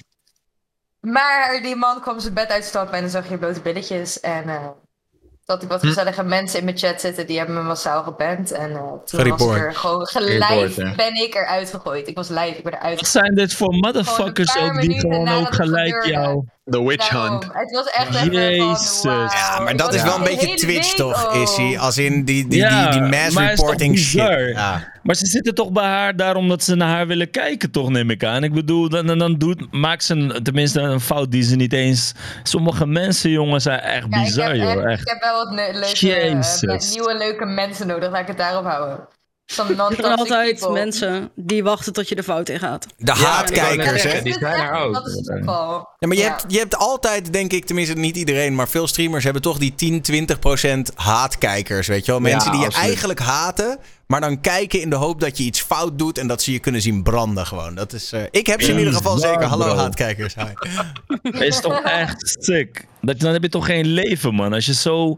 Ga iets nuttigs doen of zo, weet je. Ik bedoel, eh, ja, er zit iemand content te maken... en dan kan er een foutje gebeuren. Het is allemaal live. Weet je, dus ja. En dan gelijk massaal reporten. Ik was Maar weet je gewoon dan ook live wie en ik dacht, wat gebeurt er? Mijn hele kanaal viel weg en mijn hele OBS crashte. En ik dacht, wat gebeurt er? Live geband worden is wel, ik- heeft ik- wel een bepaalde charme. Heel hoor. fucked up. Ja, Nou, ik- Zo. de ergste wat ik tot... Tenminste, ik, heb, ik, ik zie af en toe hoor je wel eens dingen. Maar weet je nog die talkshow dat Amstel... Hoe is het met haar trouwens? Amstel Gwen. Die was bij jou Ja, was in ik de bij. talkshow en ze werd geband. Ja, In de talkshow. ja, ze Ja. zat live in de talkshow, maar het was ongeveer zo rond dit tijdstip. We waren net even onderweg. En toen was het, oh jongens, eh, trouwens, ik kreeg net een mail dat ik geband ben. En toen eh, was het, toen nou ja, dan, Oh, dan, dan moet je nu ook de, de tent verlaten. En eh, Ja. ja, was heel awkward. Ja, je mag dan ook niet bij andere streamers op. eh, Nee. Nee, nee, Nee. echt niet. Oh shit. Ja, Nou. dan mag je dus echt niet verschijnen op, het, op de website. Wat Ik heb zijn- daar wel eens... Ja. Daardoor is bij mij wel eens een keer campagne in de soep gelopen. Ik zat toen met Link had ik een samenwerking en die was toen net geband in die week. Dus dat was echt gewoon stress hoor, bij, eh, bij, bij het kantoor van die, eh, van die partij. En ik wilde dat bellen. Dit was Holy die shit. week, week van de Minecraft SMP, toch? In het begin. Eh, God, dat zou best wel kunnen. Ja, ik, ik, ik, weet het niet eens meer. Maar Link was toen geband omdat hij, hij was volgens mij haatdragen iets, puntje, puntje. Ik weet niet eens meer goed wat de reden was ook. Tja. Ehm was uiteindelijk wel terecht. Maar ehm, ja, dat was, we hadden die in die week net een samenwerking of zo. ik dus dat was weet het alweer. up. Ik weet het alweer. Hij had een soundbite van Bram Krikke die iets zei wat eh, redelijk antisemitistisch overkwam. Eh, antisemitisch. Ja, was dat het, ja? Ja, het was dat, oei. ja. Het was het antisemitische eh, dono-soundje was het. Ik weet het nog. Oh ja, dat was donor sound. Je hebt weer een waanzinnig bruggetje geslagen. Ja, want want we ik hebben wou, ik wou net Minecraft. Ga je dat vragen? Ik ben... Of niet? Of is het het- anders? nou, ik had een, ik had een ding Ja, ik over... was- Vertel. Nee, ik ben gewoon benieuwd. Want Joost, volgens mij heb jij dat opgezet. don't waste het bruggetje. Don't waste het bruggetje. Ik wil weten, hoe is het met Minecraft SMP? Want dat, what's going on there, man? Het is, het is gewoon dood. Ja. La- laat, het gewoon, laat het gewoon liggen, man. Eh, je hoeft geen graf. Het is gewoon in het graf, klaar. Weet je. It's gone. Nee, er, zijn, er zijn nog een paar mensen Maar- die het willen, willen spelen, maar ik laat ze lekker hun ding doen. eh. Maar er zijn best wel veel content creators door eh, die SMP zijn echt hebben een boost gekregen voor Vaderland. Yo, gast, ik heb, ik, ik heb eh, volgens mij had ik de laatste keer gekeken. Ik denk dat, je, dat ik wel tien partners heb gemaakt. Tien of zo, zeker. Ja, het, is minimaal. best wel, het is best wel insane. Eh, gewoon heel veel mensen die, die, die gewoon een beetje op het randje zaten van partner of partner niet. En die hebben zo'n boost gekregen door die S&P. Dat ging echt Op nergens zijn over. troon beslist hij over partner Ja, of geen partner. Joost speelt het is wel lijp. Het is wel lijp, want ik, ik kan me nog herinneren dat ik over sommige mensen echt gewoon nog getwijfeld had van, ah, moeten we die wat toelaten, ja of nee? Ik kan me nog een, een podcast herinneren, ook met jou Daniel, eh, dat, dat we daarover hadden van, ja, waar- waarom laat je sommige mensen wel erin en sommige mensen niet? En mensen die uiteindelijk met hakken over de sloot erin kwamen, zijn nu wel partner. Dus weet je, achteraf gezien, weet je, als ik toch nee had gezegd, wat zou er dan nu, eh, hoe zou die er nu voor staan? Ja. Het is wel, daar denk ik wel eens over na. Denk, holy shit. Onthoud dat, eh, chat. Joost of ma- maakt of breekt je carrière. Dat is wel... Als ik een vinkje wil, moet ik bij Joost aankloppen. Of, eh, Ja, het zou nou al niet meer zijn, maar... SMP partners. Maar even Nee, mijn bruggetje, hè? want eh, Ja, we hadden het over geband worden door zeg maar, de bijdrage van iemand anders. En er is toevallig deze week is er best wel iets bijzonders gebeurd. Will Neff, dat is best wel een grote streamer, vriend van Hassan Abi als je die kent. En die, ehm, die speelde ehm, Rust, want dat is nu weer super populair op de een of andere manier. En in Rust kwam hij, eh, en, en er is ook weer een, eh, een, een server van eh, offline TV geloof ik. En daar speelt iedereen op, vinden ze allemaal leuk. En hij was op een gegeven moment een gozer tegengekomen. Mr. eh, hoe heet hij? Mr. Wobbles. En nou, hij speelde met die Mr. Wobbles, allemaal leuk en aardig. En ineens is Will Neff, best wel een grote streamer, is ge geband van Twitch. Dus hij afvragen van wa- wat de fuck is er nou gebeurd. Bleek dus dat die Mr. Wobbles zes jaar geleden al geband is. Dat ze dat op zijn stream hebben gezien. Dat ze dachten, ban evasion, weet je wat, we bannen Will ook. Vervolgens, enter excuses van Mr. Wobbles. Dat wilde ik jullie laten zien. Heb ik eh, daar ook audio op? Ja. Hi. I'm making this video because I don't think I'm gonna. I don't want to be on the OTV server anymore. I don't want to get anybody in trouble. I've been in events before, and I've been allowed to stream with other people, and it's been fine. and I guess this time it's not. and it's it really sucks, man. Because I genuinely love doing what I do, and meeting people that are your peers and not feeling like a fucking black sheep or you know point finger band streamer feels really good and it's all because like three years ago I, I had one shitty fucking night man Ja, nou, die video duurt verder nog een stuk langer. Maar hij zegt dus ja, dus drie jaar geleden had ik iets doms gedaan. Daardoor ben ik geband. En nu hebben jullie, eh, nu hebben jullie Will geband. Nou, en Will is dus blijkbaar een van de goodest guys in de wereld. Want die is naar Twitch gegaan. Die heeft vrij goede relatie met zijn partnermanager. Die heeft verteld wat er gebeurd is. En nu zijn ze allebei geunband. Dus ook deze guy die al drie jaar geband was, is nu na drie jaar alsnog eh, is dat, eh, is dat eh, gereversed. Wat op zich. eh, Dat is, dat is lief. ja. Maar ik vind het wel heftig dat als je dat dan niet weet, weet je wel, dat iemand, ik bedoel, iemand kan zich dus, stel dat, dat een van jullie geband is en je, je probeert een beetje zo iemand anders te naaien, dan kan je dus eh, in, in de stream van Shari werken en dan wordt Shari in één keer geband omdat ze geen idee had dat jij dat eigenlijk niet mocht, zeg maar. Ja, dat is toch wel een beetje grijs gebied. Ik denk dat Twitch daar ook nog naar moet kijken, toch? Of zo van, ehm, die, die, die zat dat toch wel, of niet? Ja, Of wordt Nou, dat maar die pen is uiteindelijk geweest. Ik bedoel, dus tot Ja. in hoeverre daar echt rekening mee gehouden wordt. Ja, ik, ja. Maar worden- hoe, hoe werken die bands? Eh, Ik bedoel, ik neem aan dat er dan gereport wordt. Is dan Twitch die denkt van, oh, er wordt nu zes keer gereport Banhammer? Of is het wel van, oh, we kijken eventjes naar wat nou de reden is en dan bannen we? Nou, ik denk dat als er heel veel reports binnenkomen, dan wordt er sowieso eerst geband en dan gecheckt, neem ik aan. Want ik bedoel, je wil niet het risico lopen. Shoot first, ask questions later. Ja, maar Ja, dat, dat is denk wel, ik heel- wel. wel heel Amerikaans. Ja, maar ik bedoel, laten we heel eerlijk wezen. Stel dat bijvoorbeeld, we weten toch nog een tijd geleden was er die, eh, die guy die iets walgelijks heeft gedaan en met een geweer een moskee in is gegaan en die streamde Oh, dat ook ja. live. Weet je, in dat soort gevallen wil je gewoon wel dat als er 300 Ja, reports nee. binnenkomen, dat gelijk de stekker eruit gaat natuurlijk. Makes Ja, dat sense. Maar ik vraag zijn. me af, als jij rust speelt en je hoort iemand over voice chat, dan dan 300 mensen allemaal denken van, oh, ik herken die stem. Waarschijnlijk is hij geband, laat ik hem reporten. Eh, eh, ik, ik kan me heel slecht voorstellen dat Twitch daar niet gewoon even naar kijkt en denkt van, oh ja, ik snap wel dat Ja. dit niet bannable is. Ik, ik vind dat sowieso wel een beetje gare, tenminste niet gare regelgeving. Ik snap het wel, maar de, de- voor, voor jou als streamer die niet geband is, overigens. Dat, dat is bijna niet, niet te, te, te, te, factchecken. Want ik bedoel, Ja, welke daarom. situaties niet, welke situaties wel. Is het alleen als een partner geband is? Is het alleen, is, voor iedereen?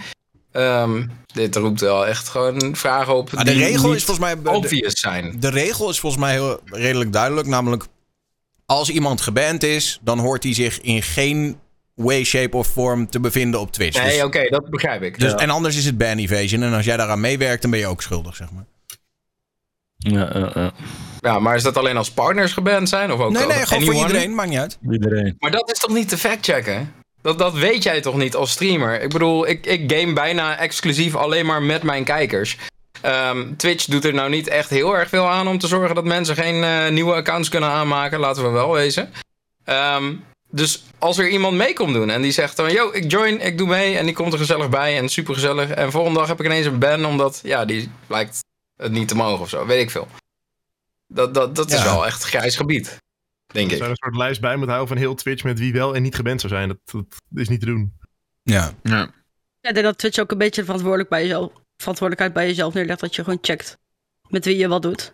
Alleen Ja. ja. grote servers is dat denk ik wel een beetje lastiger. Nou ja, Maar, kijk, en het zal ook wel. Het, ik bedoel, Maar- hoe, hoe higher profile iemand is, hoe meer dat er ook toe ja, doet, uiteraard. toch? Als iemand letterlijk gewoon eh, één follower heeft en geband is, dan zal jij daar, daar niet per se hinder van ondervinden. Maar het is natuurlijk niet. nou.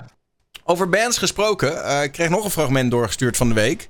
En dat is dit fragment van Malena. Eh, zij is de vriendin van eh, NMP. En ehm, zij heeft eh, iemand in de chat en die vindt ze stom en die band ze. Maar die band ze niet alleen in hun eigen kanaal. Uh-oh. The logs. He's a 13 month sub millennial. You cannot do it.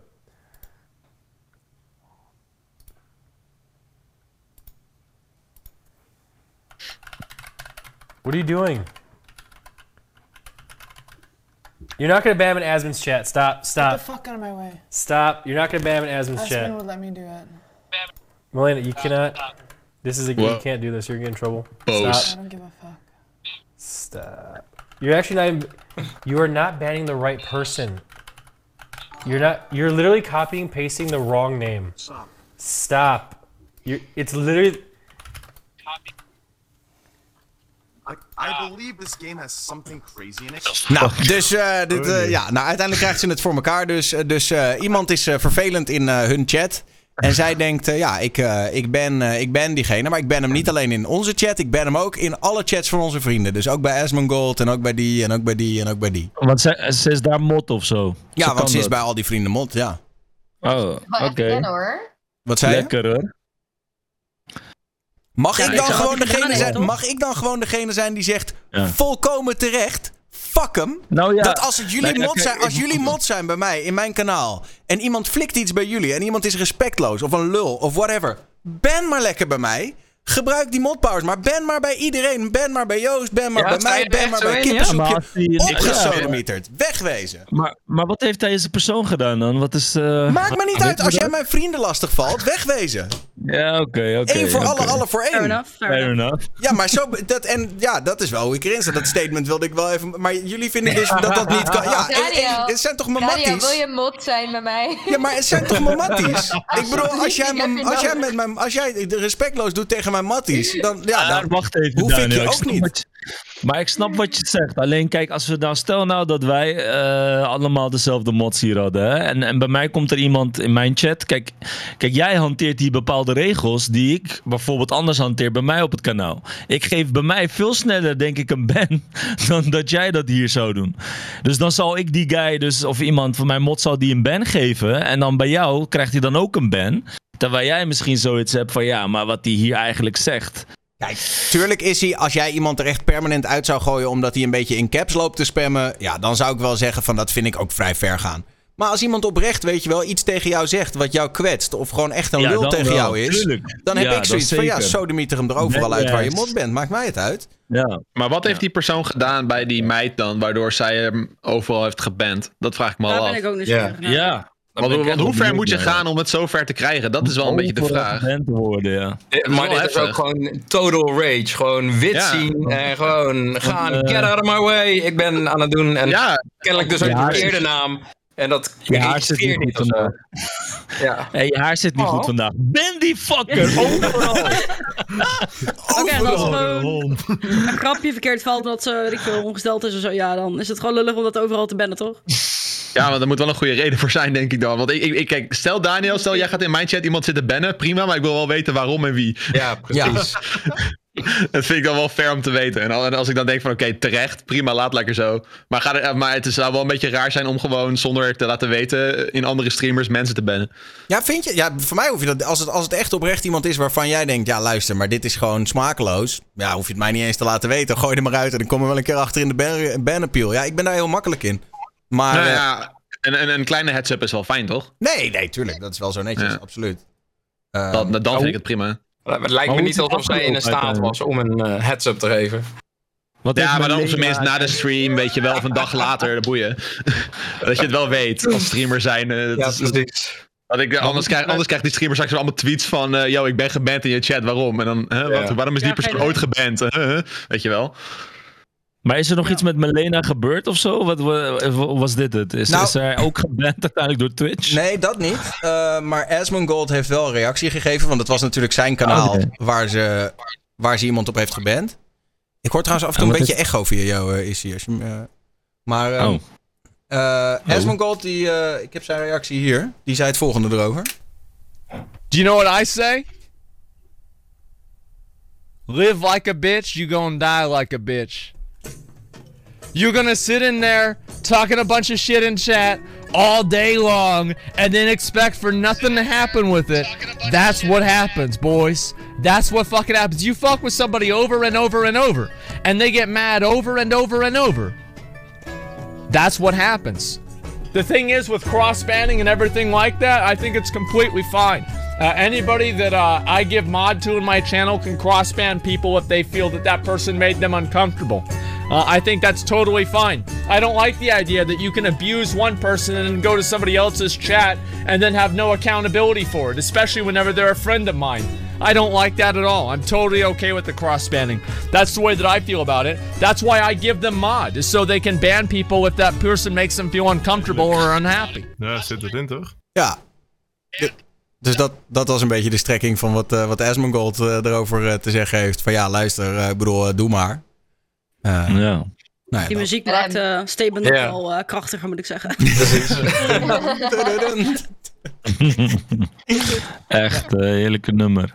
Maar ik bedoel, de, ja, ik, kan, ik bedoel, ik kan me ook wel snappen dat, dat sommige kijkers, en met name edgy kijkers, zoiets hebben van ja, dat kun je niet maken. En ik wilde gewoon een beetje edgy zijn in chat A en niet meteen ook in B, C, D, E, F, G geband worden, weet je wel. Ja, dat, dat snap ik ook, maar fuck hem.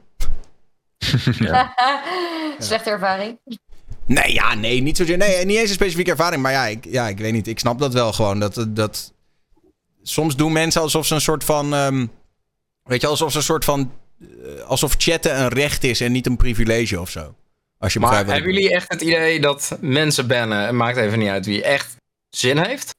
In Oh ja, zeker. Ja, zeker wel. Tuurlijk wel. Zeker. Want, de, eh, echte, de, de time-out twijfel ik eh, heel erg over. En de time-out eh, valt de, de zinvolheid van, daarvan valt te bediscussiëren. Maar de permaban, eh, die werkt wel volgens mij. Uit time-out wel, gewoon de mensen een beetje... Maar heb- hebben jullie niet regelmatig dat, eh, dat iemand gewoon 30, 40, 50 accounts, ik weet niet waar ze de tijd vandaan halen, aanmaken Ja. om weer terug te komen? Dus wa- wat voor nut heeft dan werkelijk die ban nog? Maar Ja, ik, heb daar niet zo last van, die drempel opstapt. Dan moeten is ze toch een drempel om een nieuwe account aan te maken. Nou, en niet alleen dat. Je moet toch ook nog een. VPN hebben? Want, eh, Men- want mensen moeten wel echt dedicated zijn om accounts aan te maken en weer terug te komen hoor. Ja, dat is heb ik wel een paar dedicated mensen. nou, lekker Dus bannen. zitten er wel een paar, ja. Ik heb daar legit regelmatig wel echt gewoon eh, last van. Nou, regelmatig. Ik heb Met enige regelmaat. nog nooit gezeik mee gehad. Daarnaast moet ik ook wel zeggen dat ik een modteam heb wat echt eigenlijk altijd aanwezig is. En altijd zorgt dat op het moment dat er ook maar iets in chat voorbij komt wat ik niet chill vind, dat het gewoon meteen weg is. Uh, Ja, Nee, maar mods zijn ook als, echt. als, als iemand een nieuw account aanmaakt en het daarna nog een keer doet, dan is het daarna weer binnen een seconde weg en dan kan hij weer Ja. voor aan beginnen. Nou, maar kijk, dat, dat vooral. Ik heb echt avonden gehad dat iemand gewoon letterlijk 30 accounts achter elkaar heeft aangemaakt met nou de meest bizarre. Maar zeg je er dan wat van? Die je kan Heb je het er dan over? Nee, absoluut niet. Nee, die wordt gewoon geband. En als het echt heel erg wordt, zet ik gewoon notifications uit. Ik wil hem dan die aandacht er niet aan geven. Je Maar hebt het komt toch geband? iedere keer weer terug. Je hebt toch meer mensen geband? Heb je dat letterlijk bij iedereen gehad? Eh, nou, ik ben relatief weinig. Dat is gelukkig niet per se nodig. Maar echt van die accounts, eh, de pedofiele likker, weet ik veel wat allemaal. Nou, verzinnen, maar ik ga niet alles hier op stream noemen. Ehm, Ja. Weet je, dat komt dan in je chat. En dan beginnen ze al meteen met scheldwoord, benen. En, en nog geen twee minuten later weer een nieuw account. Ik denk dat dat echt ja, uitzonderingen zijn. Want ik heb het zelf nog nooit gezien. Bij Wat ik wel, wel merk is dat ze vaak in groepjes komen. Dus dat je eh hele Ja. chille stream hebt, niks aan de hand. En daarna heb je in één keer uit het niks vier, vijf Ja. accounts met allemaal van die gekke namen. En dan heb je zoiets van, ja, maar waar komt dit in één keer vandaan? En dan, ja, Ja, die zitten zich gewoon te vervelen op Discord of zo. Ja, ja, ja. Ja, dat is Ja. precies wat ik dan. Ja, ze daar. Ja. Oh, laten we nu even diegene la- lastig van. Uh, leuk. Ja. Nou, ik ben wel bevoorrecht door dat mijn mods echt zo super snel zijn met dat soort dingen. Ik heb wel eens eh, zo'n zo'n zo'n spambal gehad, weet je wel. Dat is zo'n bot erop gooien dat ineens 500 accounts in één keer tegelijkertijd iets zeggen in chat. Ja, mods waren Eh. sneller gewoon. Mijn mods waren gewoon sneller. Die, hebben gewoon, die, hebben ze gewoon, die waren allemaal al geband voordat ze hun volgende attempt konden doen. Dat is echt insane. Dus ik ben, eh, ben er wel blij mee. Bedanken wij wel onze mods vaak genoeg? Met Bij allen. Ik heb Ja. een Applaus Even, de even mods, applaus man. voor alle mods van eh Twitch channel. Wat zijn jullie goed met de bruggetjes? Ik heb En namelijk de vraag... niet, hè? Wat? Ja, Daniel. Hallo.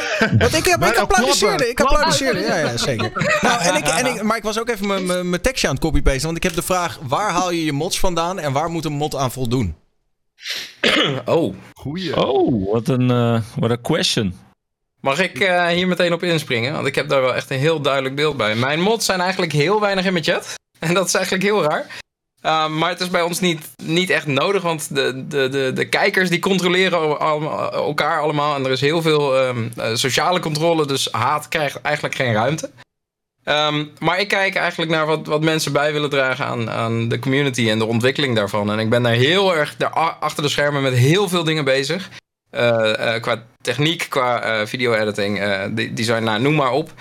Um, en ik kijk eigenlijk altijd hoe mensen daar uh, aan willen en kunnen bij, uh, bijdragen. En dat zijn eigenlijk wel al de, de, de vaak de, de, vaste mensen, uh, zeg maar, die er al een tijdje bij zitten. Uh, zo heb ik eentje die, die helpt met, die, die maakt um, intro-video's voor een stream als we een bepaalde game spelen. Um, dus bij jou zijn het eigenlijk meer allemaal contributors. Dus ze dragen allemaal ja, iets absoluut. anders bij dan alleen maar het modden. Absoluut, ja. Er zijn echt maar heel. En dat is eigenlijk het originele groepje van vroeger. Die uh, ja, eigenlijk niks doet. Ja, sorry jongens. Uh, ja. maar uh, nee, ja, en eentje. Ik, ik verstuur real life subscriber badges. Die worden echt eh, geproduceerd, eh, zeg maar. En eh, dat is een van mijn mods. Die, die, die managt dat helemaal. En die bestelt ze voor me en die stuurt het uit. En allemaal dat soort dingen. Dus iedereen die, die doet echt iets super waardevols voor de community. Ja. Nou ja, ik, ik, vind, ik vind een mod. ehm, kijk, een, een ban geven, dat kan je als streamer zelf ook, weet je. Tenzij je weet ik veel hoeveel kijkers hebt. En de chat is helemaal niet volgbaar. Maar ik vind een mod is ook gewoon iemand, eh, inderdaad, die een beetje het sociale aspect in de chat eh, waarborgt. Eh, gewoon ook iemand die gewoon echt actief eh, betrokken is bij de community. Ja, ik, ik heb altijd zoiets van. Er zijn zoveel mensen die graag mod willen zijn. Maar ik heb zoiets van. Ja, maar wat is nou jouw. Je bent er de ene keer wel en dan weer niet. Weet je. Kijk, en iemand die gewoon echt actief betrokken is. Kijk, ik heb één guy die is al bij mij al bijna vijf jaar mod. Het dingen SNL is dat. Mogen we even een shout-out voor dingen van nou, jongens. Maar die man, weet je, die helpt mij ook gewoon met... ehm, ja, soms af en toe even een tip, weet je. Ook offstream, weet je. Van, hé, hey, ik zag dat die guy een beetje vervelend deed. Dus die, iemand die gewoon echt met je een beetje meedenkt. En dat je gewoon mensen ook echt als mensen gaat behandelen. Niet alleen maar als een naampje. Van, nou ja, dat is... Weet je, dat, dat iemand ook gewoon weet... wie zijn deze mensen nou in jouw community. En, en dat, ja, dat als iemand dat voor jouw kanaal over heeft... Ja, dat, is, dat verdient eigenlijk wel een salaris, man. Dus eh, mocht ik echt een keer dik geld verdienen, dan ga ik mijn mods wel betalen. Man. Ja, absoluut. Ik vind dat ook wel lastig hoor, want ehm, ik betaal mijn mods dan niet en ik denk heel veel mensen niet. Maar het is dan wel het dilemma wat bij mij in mijn hoofd in, omgaat van eh, wat kan je er wel van je mods vragen als je ze daar eigenlijk niks voor teruggeeft. Goeie vraag, ja. Ja, dus het is wel altijd vrijblijvend natuurlijk. Weet je, kijk, precies. daarom is, ja, kijk, diegene die dat voor jou doet. Wat ik persoonlijk doe, ik geef elk jaar een kerstcadeautje aan mijn mods. Weet je, dan eh, ha- haal ik gewoon iets kleins. Het is gewoon een stukje gebaar. Ik probeer ook één keer in het jaar een soort van moddagje te doen. Weet je, dat je met elkaar een beetje optrekt. Ja, het is maar net hoe, hoe ga je om met je, met, je, met, je, met je kijkers, met je mods. Ja, dat is voor iedereen anders. Ik, ik zie het wel iets als, het wordt op een gegeven moment een soort van team en, en je doet het samen.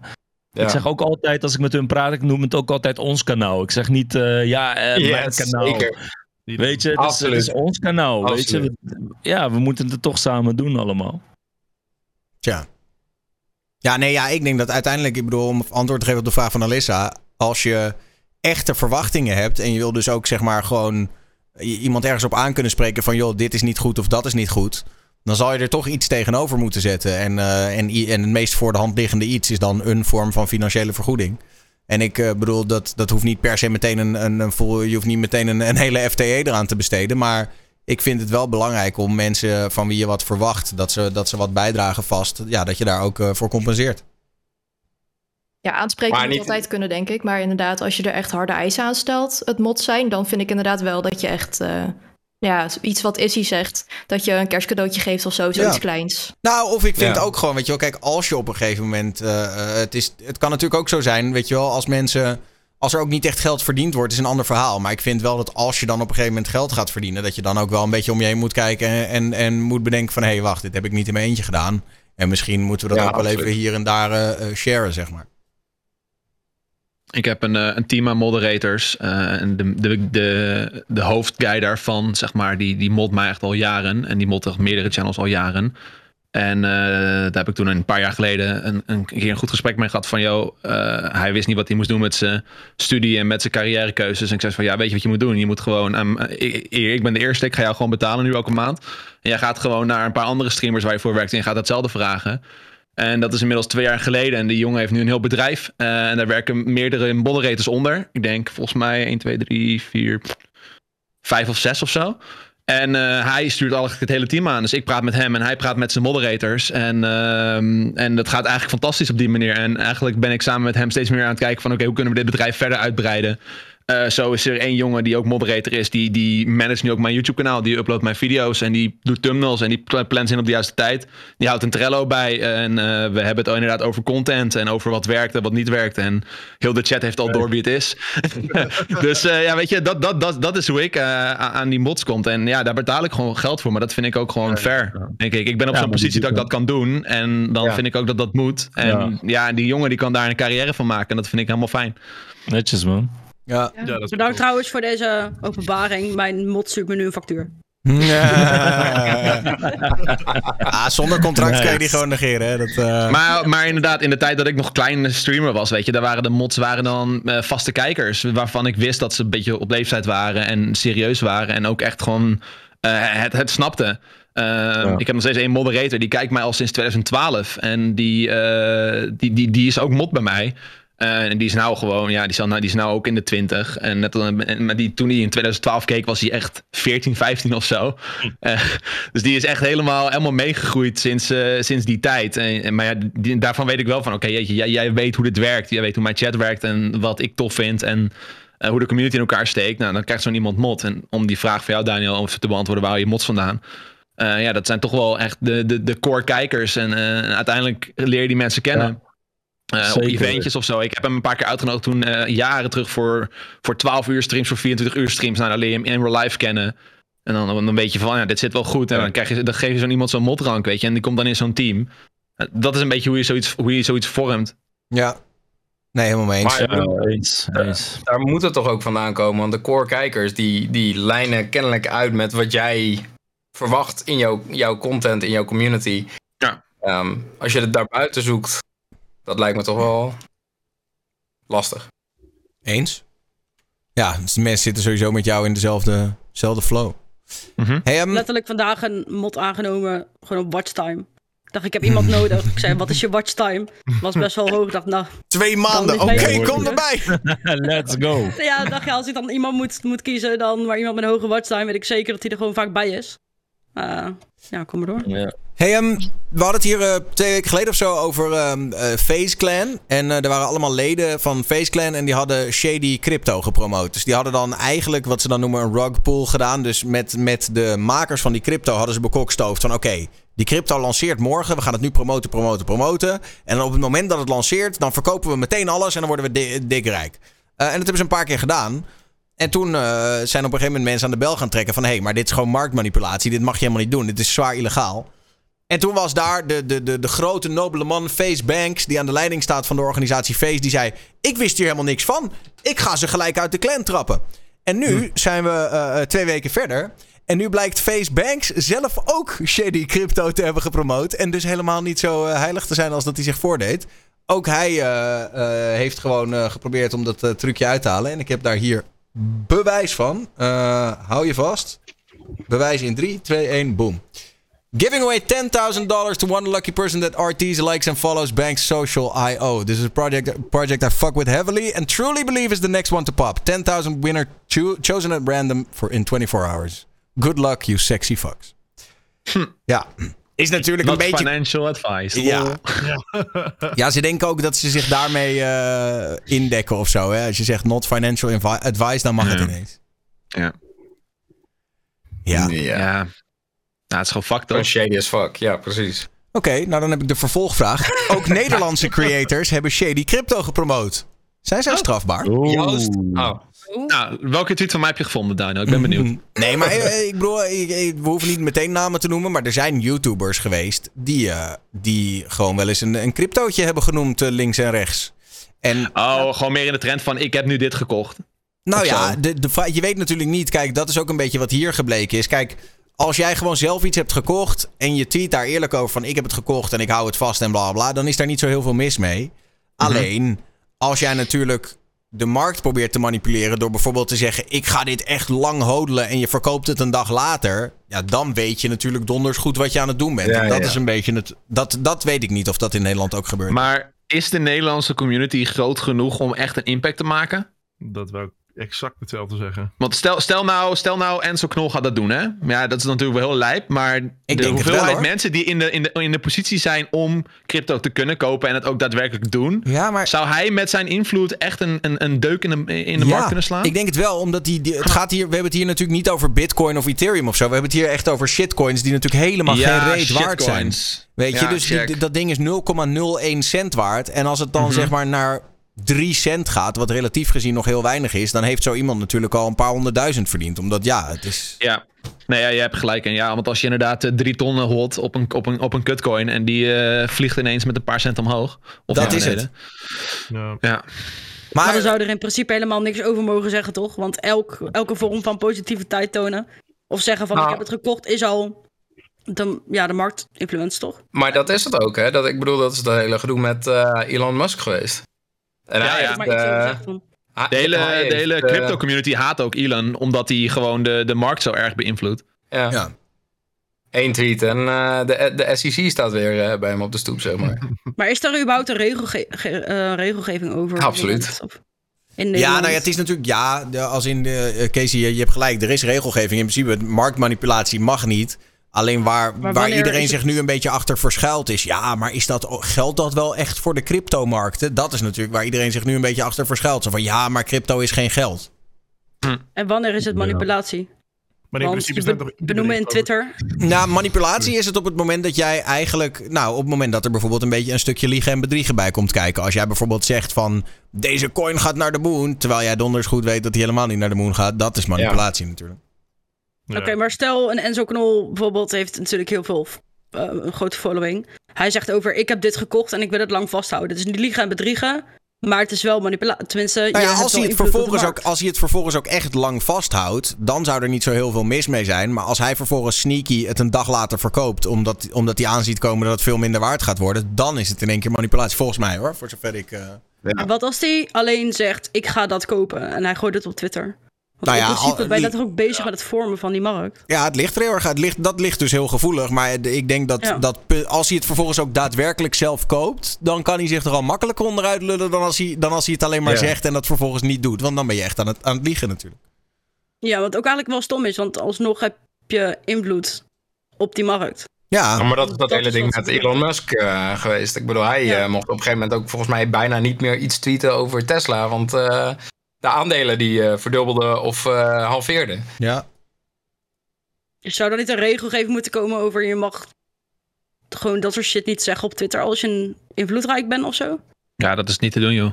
Nee. Dat Nee. lijkt mij ook niet. Nee. Ah, zijn zijn Twitter-account Hmm. is op een gegeven moment, ik weet niet of dat nog steeds zo is, is toen eh, onder curatele gesteld. eh, omdat Nou, en hij, uiteindelijk moest hij aftreden als CEO ook, hè? Ja, Ja, dat klopt, ja. Ehm, maar, maar ik bedoel, Joost zegt wel van ja, dat kan niet. Maar is het misschien niet. Ik bedoel, ik denk dat het best wel. eh, de laatste tijd komt het vaker ter sprake. Hè? Influencers die dan iets promoten. Wat dan achteraf een enorme scam blijkt te zijn. Zouden we niet een soort van, van regelgeving moeten hebben? Zo van ja, luister, jij als influencer. Jij bent de verantwoordelijke op het moment. Zeg maar, want nu, nu is het vaak heel makkelijk om dan te zeggen: Ja, ik wist het ook niet en het leek allemaal legit. Ja. Maar moet het niet gewoon de verantwoordelijkheid van de influencer dan zijn? Van jij promoot iets, dan is het ook jouw verantwoordelijkheid om te checken dat het geen scam is. Ik denk dat je als influencer sowieso wel uitverantwoordelijk bent over wat je post of niet. Of wat je naar buiten brengt onder jouw naam zijnde. Ik bedoel, het is natuurlijk leuk dat een bedrijf eh, een sponsorship of een ad of zo met je aan wil gaan. Maar je bent nog altijd zelf verantwoordelijk voor wat je post. In mijn optiek tenminste. Hoe, hoe het nu gaat, is als, als het fout gaat, in wat voor weer dan ook, dan is het bedrijf van de, verantwoordelijk. De influencer is nooit verantwoordelijk. Nou ja, de influencer dat, wordt dat vaak is hoe wel... het nu ge- ges- ge- geschreven staat, zeg maar. Ja, dat is ook Dus- logisch, want het bedrijf ligt jou op natuurlijk. Maar je merkt wel dat, stel dat jij nu iets promoot wat een enorme scam blijkt te zijn, word jij ook verantwoordelijk gehouden en zal de publieke Ja. opinie ook zeker bij jou eh, aankloppen. Nou, ik vind ook wel dat, ik, als, dat je als influencer gewoon je, je huiswerk moet doen, toch? Je moet wel gewoon gaan kijken van wat, wat sta je op het punt om te promoten. Zit die, is, dit wel, is dit wel Ja. gewoon een valide partij? Eh, en eh, er is in het verleden heel vaak, er zijn heel veel influencers eh, die, die gewoon scheid aan hebben. Die denken gewoon, k- quick money grab. Maar dan vind ik alsnog dat je toch wel even, even moet kijken van wat ga je nou promoten? Is dit wel, is dit wel valid? Maar als ik dit hoor, dan ga ik denken aan wat Milan Knol twee weken geleden hier zei. Volgens mij. Had dit over dat hij had dan besteld bij een bepaald ehm, bedrijf dat hem wilde sponsoren. Dat ging Mhm. allemaal goed. En achteraf bleek het dat andere pakketjes niet geleverd werden. Dus ben je dan verantwoordelijk of ben je dan slachtoffer? Lastig. Nou, slachtoffer niet, denk ik. Als in, want ik bedoel, ja, eh, slachtoffer denk ik niet. Maar eh, de, de, ja, die, die verantwoordelijkheid valt over te discussiëren. Je kan dan, je kan dan als, als influencer zijn er wel gewoon kijken van... oké, weet je wat voor bedrijf is het? Is het een groot bedrijf, klein bedrijf? Oké, het is een relatief klein bedrijf. Waar komt dit geld vandaan? Hè? Eh, Milan is een grote jongen. Die zal wel een redelijke prijs hebben voor zijn campagnes. Ehm, en als het een heel groot bedrijf is, dan waarom, zou, waarom gaat het dan fout? Eh, reviews op zoek op Google. Zeker als ik, als ik een, een, een aanvraag krijg van een bedrijf wat ik niet ken... dan ga ik gewoon meteen researchen. toch zoeken? Ja, Meteen me wel researchen. Maar ja, goed, er zijn natuurlijk ook inderdaad mensen die gewoon eh, een geldbedrag zien en denken lekker belangrijk, let's go. Ja, Ja. Ik, ik vind wel dat je als creator zelf of influencer zelf even een check moet doen en dicht bij jezelf moet blijven ook. Met wat je promoot. Ja, eens. Maar ik denk dat hier nog wel wel regelgeving voor komt hoor. Ja. Dat denk laat. ik ook. En ik denk ook dat die, die cryptomarkten. Ik denk dat je over tien jaar kan je echt niet meer zo makkelijk zomaar over een, een, een scamcoin lopen te twitteren zonder dat dat problemen oplevert. Ja, ik denk dat scamcoins ook op een gegeven moment gereguleerd gaan worden. Op een of andere manier. Nou, ik denk dat op een gegeven moment gewoon de, de charme er een beetje vanaf is. Want op een gegeven moment gaat iedereen inzien van ja, als, als dit de duizendste coin is die de markt gaat veranderen, in hoeverre, eh, weet je wel, doen ze Ja, dat dan true. echt, zeg maar. Nou, maar puur alleen al de, de manier waarop die tweet gestructureerd was, dan gaan er al gewoon eh, alarmbellen bij mij rinkelen.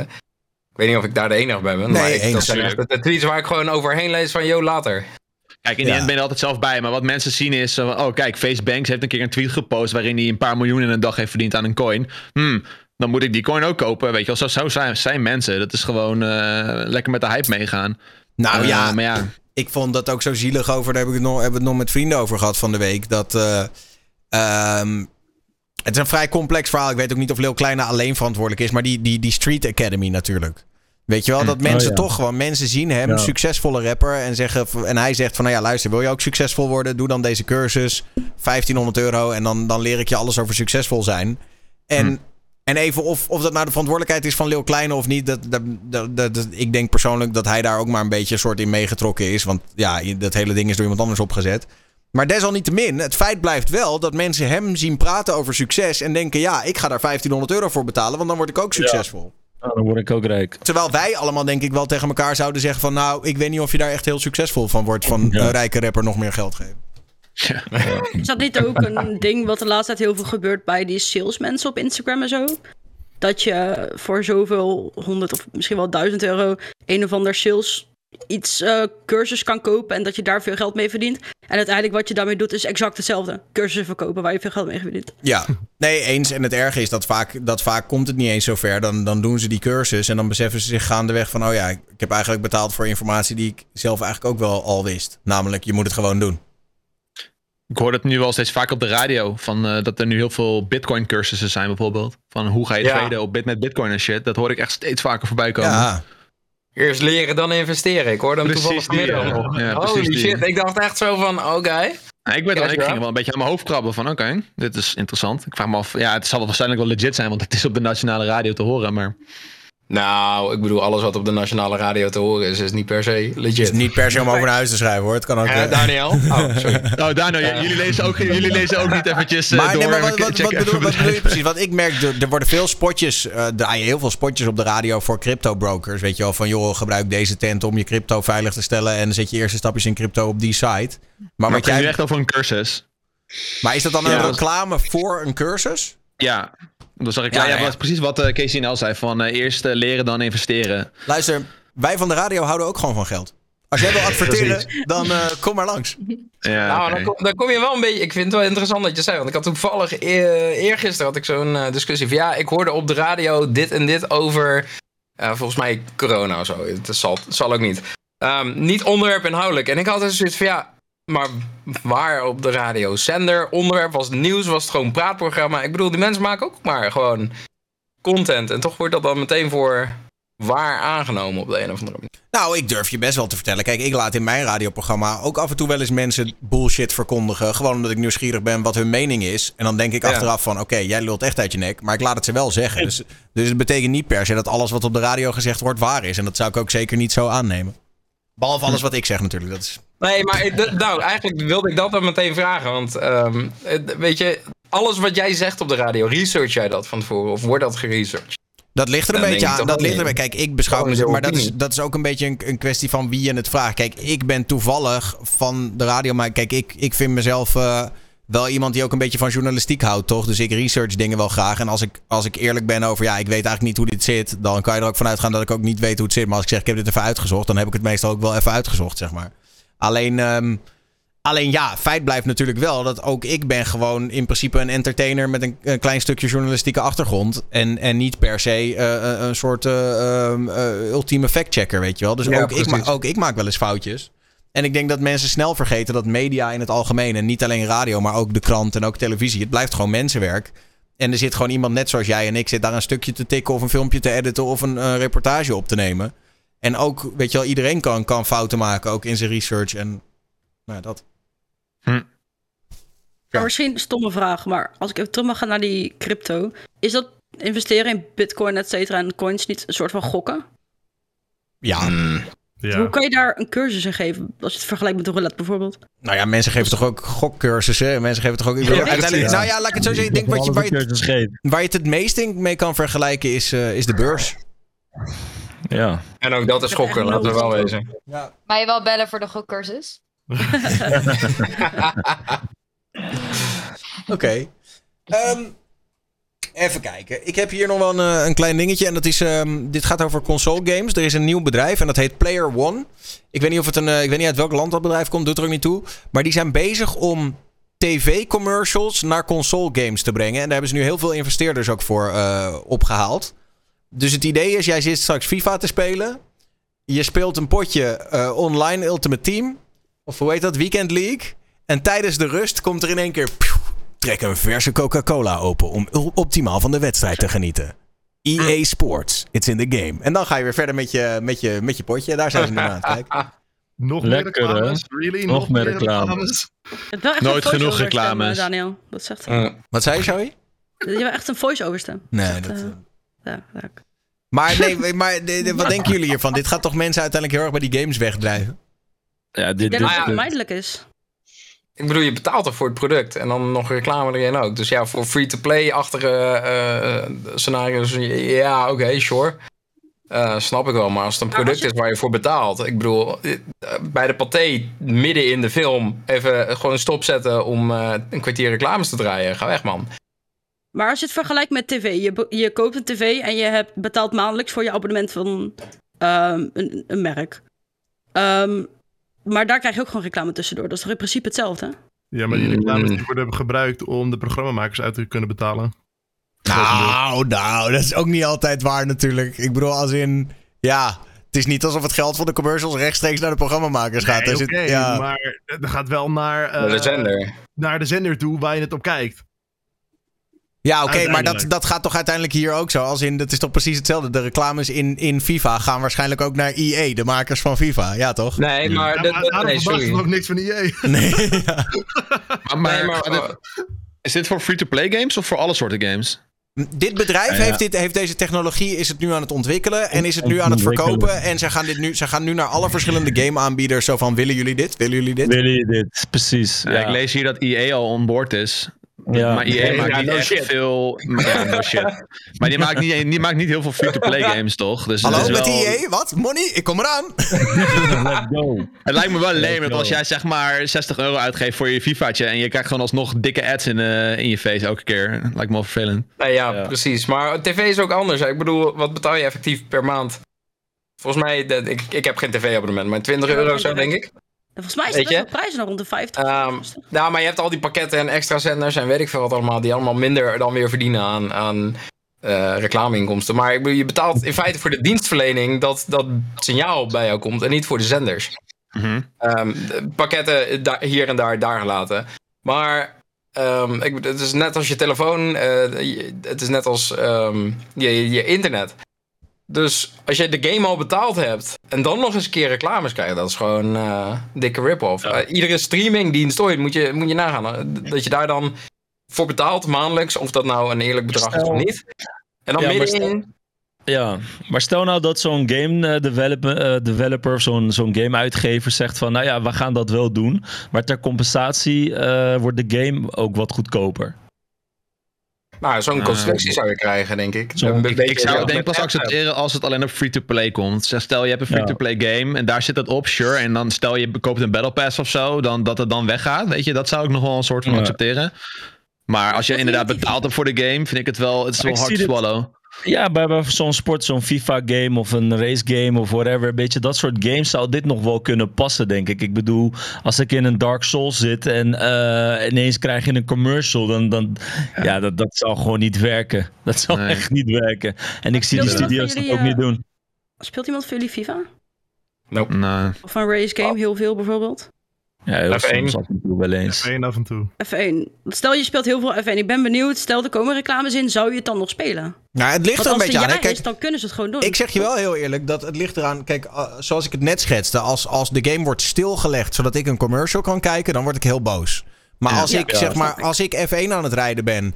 En langs mij zoeft Heineken, Pirelli, weet ik veel wat voor merken Ja. langs. Dan vind ik het weer helemaal niet zo'n probleem. Nee, nee, Nee, zeker niet. Maar dat, is- dat, is, dat is Nee. niet wat dit is, toch? Want dat kan Bro. gewoon worden. Dat, dit, wat dit is echt, echt een onderbreking. Een soort van midroll in je game. Ja. Ja, Ja. Dus ja, dat, dat is wel een heel ander verhaal. Ik denk dat je zo'n soort eh, app-constructie krijgt. Dan is het gewoon in de eerste tweede, na, de eerste helft van de wedstrijd heb Ja. je gewoon een ad-break, weet je wel. Heb je gewoon een Ja. ad-break? Ja, dat, Nou dat, ja, gewoon dat inderdaad, je, je tegenstander is een wissel aan het uitvoeren. Hier, check deze commercial voor. Ja, Ja, precies. ja. Ja. Ja. Ik heb toevallig deze week eh Temple Run herontdekt op mijn telefoon. Dat had ik nog staan op mijn iPhone blijkbaar. Mhm. En eh, toen kreeg ik na elk level ineens een advertentie. Dat ik dacht, hè, dat kan ik me helemaal niet herinneren van vroeger. Ja, op mobile Ja, games is in, mobile inmiddels een normale zaak. Ja, Dat is echt bizar. zo. Maar dan heb je wel dat als je één keer een euro betaalt, dan is het wel weg. Snap je? Dan is het Precies, wel ik denk dat je eh, zo'n constructie gaat krijgen. Ja, als dat het is, sure. Weet je, dan vind ik het helemaal niet erg. Maar eh, ja, je moet het niet op paid games doen. Dan, dat, zeg- dat is echt gewoon hard Ja. swallow. Ja, Ik zeg of, je- of geef gebruikers de keuze van maak je game goedkoper, maar met reclames. Of maak de game de normale prijs, maar haal al die reclames er gewoon uit. Dat, daar zou dat je coins kan verdienen of Ja. zo. In, in Ja, maar ze verdienen wel veel meer geld aan die ads dan dat, dat ze ooit aan die game gaan doen. Laten we eerlijk zijn. Ja, goed punt. Ja. En ik denk oprecht dat mensen die games alsnog blijven kopen. Of er nou reclame of niet in zit. Ligt dan natuurlijk wel in welke wijze. Al- al- Als ik dat zie van, hè, eh, je betaalt elk jaar sowieso al 60 euro voor je FIFA'tje. Nou, nu is hij 50 euro, maar 60 euro en dan heb je geen ads. Dan gaat iedereen alsnog voor de adlozen, toch? Lijkt mij. Ik bedoel, waarom zou je Ja. ooit voor ads kiezen? Ja. Ja, ik wou net zeggen. Als het gratis zou zijn, ander verhaal, weet je. Dan is het echt meteen van, oh shit, de game is nu gratis. Wow, dat ga je wel proberen. En dan kan je altijd nog kiezen van, oké, ik vind het annoying, hier is mijn 60 euro. Verziekt dat niet gewoon ook de hele, de hele markt? Ik zie dat zo vaak voorbij komen dat als je een nieuwe game speelt of wat dan ook. Ja, is de game gratis? Eerste wat er gevraagd wordt. Ja, dat is omdat het tegenwoordig een soort van meta is sinds Zo- Fortnite, ja, hè? ik vind dat zo'n lelijke vraag. Ja. Ja, maar ja, aan de andere kant, het is tegenwoordig of games zijn free-to-play en dan word je eh, gemotiveerd om er zoveel mogelijk in eh, microtransactions aan uit te geven. Of ze zijn gewoon belachelijk duur. Ik zag laatst dat, eh, Ja. ik weet niet meer over welke game het ging, maar een console game die van plan is om te gaan releasen voor 80. Dat ik denk, jongens, kom op. Ja, ik Ja. heb het al met sommige Switch games. Dat ik, ik ben best wel een Nintendo fan, maar af en toe komt er een game uit en denk ik van dit is gewoon geen 60 euro waard Nintendo. Dit is alles behalve. Ja. Weet je wel? Dan denk ik van oef, die prijzen worden echt hoog. Ja, kijk, Nintendo is helemaal bizar. Ja, maar kijk, zo'n eh, zo'n PlayStation 5 game, dat was de CEO van Sony, had toen ook verkondigd dat het duurder gaat zijn, omdat game development ook duurder is.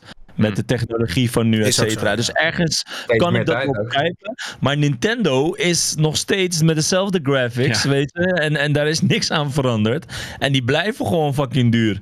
En inderdaad, voor een game waarvan je denkt, is dit 60 euro waard? Ja, dat is, dat is wel typisch Nintendo, ja. Mhm. Maar heb Ik ik het goed gehoord? Battlefield 120? Zoiets? Ah, dat zal, wel, 120 dat zal wel de collector's edition ja, zijn. dan heb je de, dan heb je de, de collector's edition. zeggen, met, eh, met de. Battle Maar sowieso Pass. nooit die 100 euro eh, tikken. Dat, gaat, dat kunnen ze echt niet maken. Nee, 100 euro voor base game kan echt niet.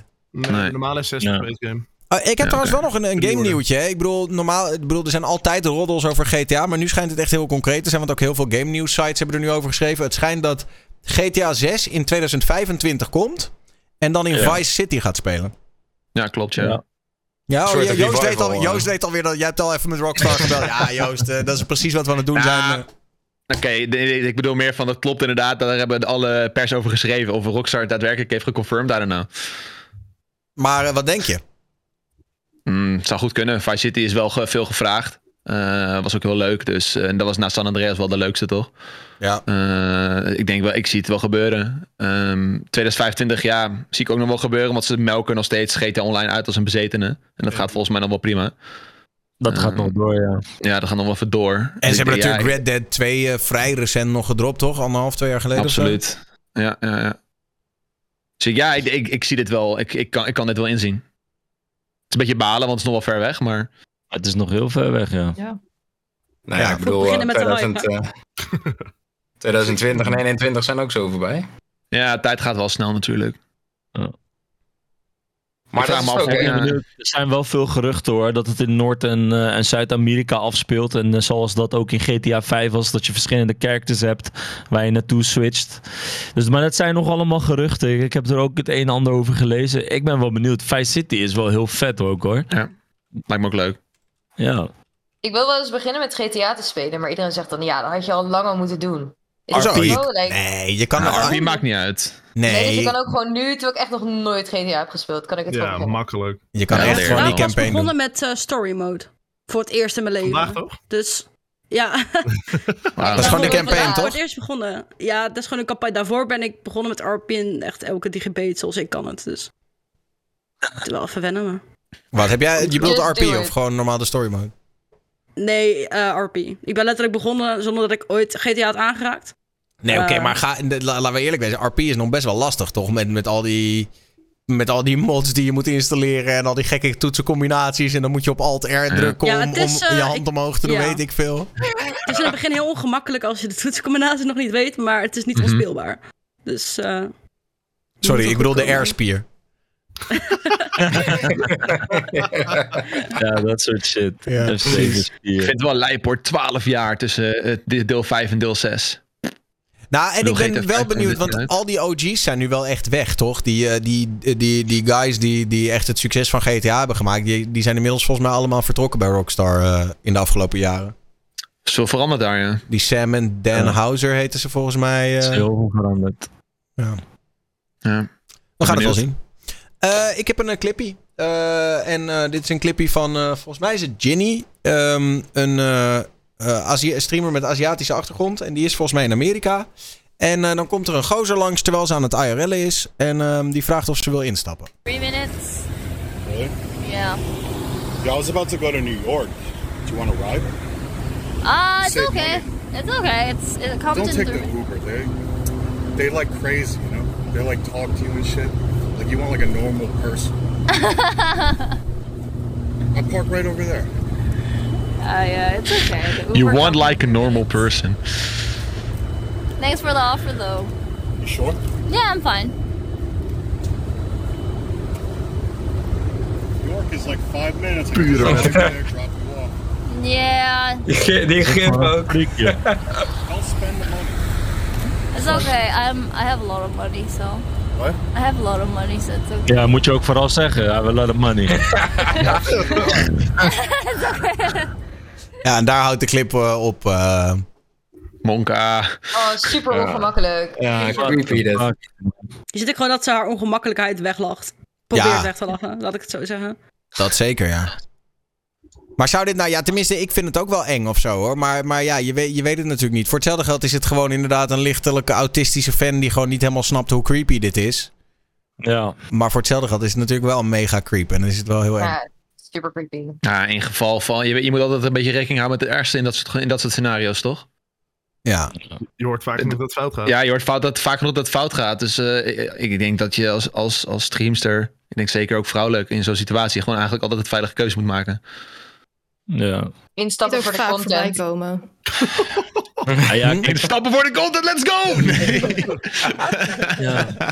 Never. Ik wil het wel zeggen, als er op een gegeven moment een, een, een, een donkere BMW naast mij stopt met piepende man en zegt stap in voor de content. Dan, ja, dan, dan stap ik wel in, toch? Ja. ja. Maar eh, ja, dat is als man wel anders, denk ik. Ja, Ja. zeker. Ja, nou, in ieder geval, gelukkig heeft ze het er goed vanaf, vanaf gebracht en is er uiteindelijk eh, niks gebeurd. Ehm, Nou, psycho's. er Ben je iemand. ooit ingestapt bij lifters?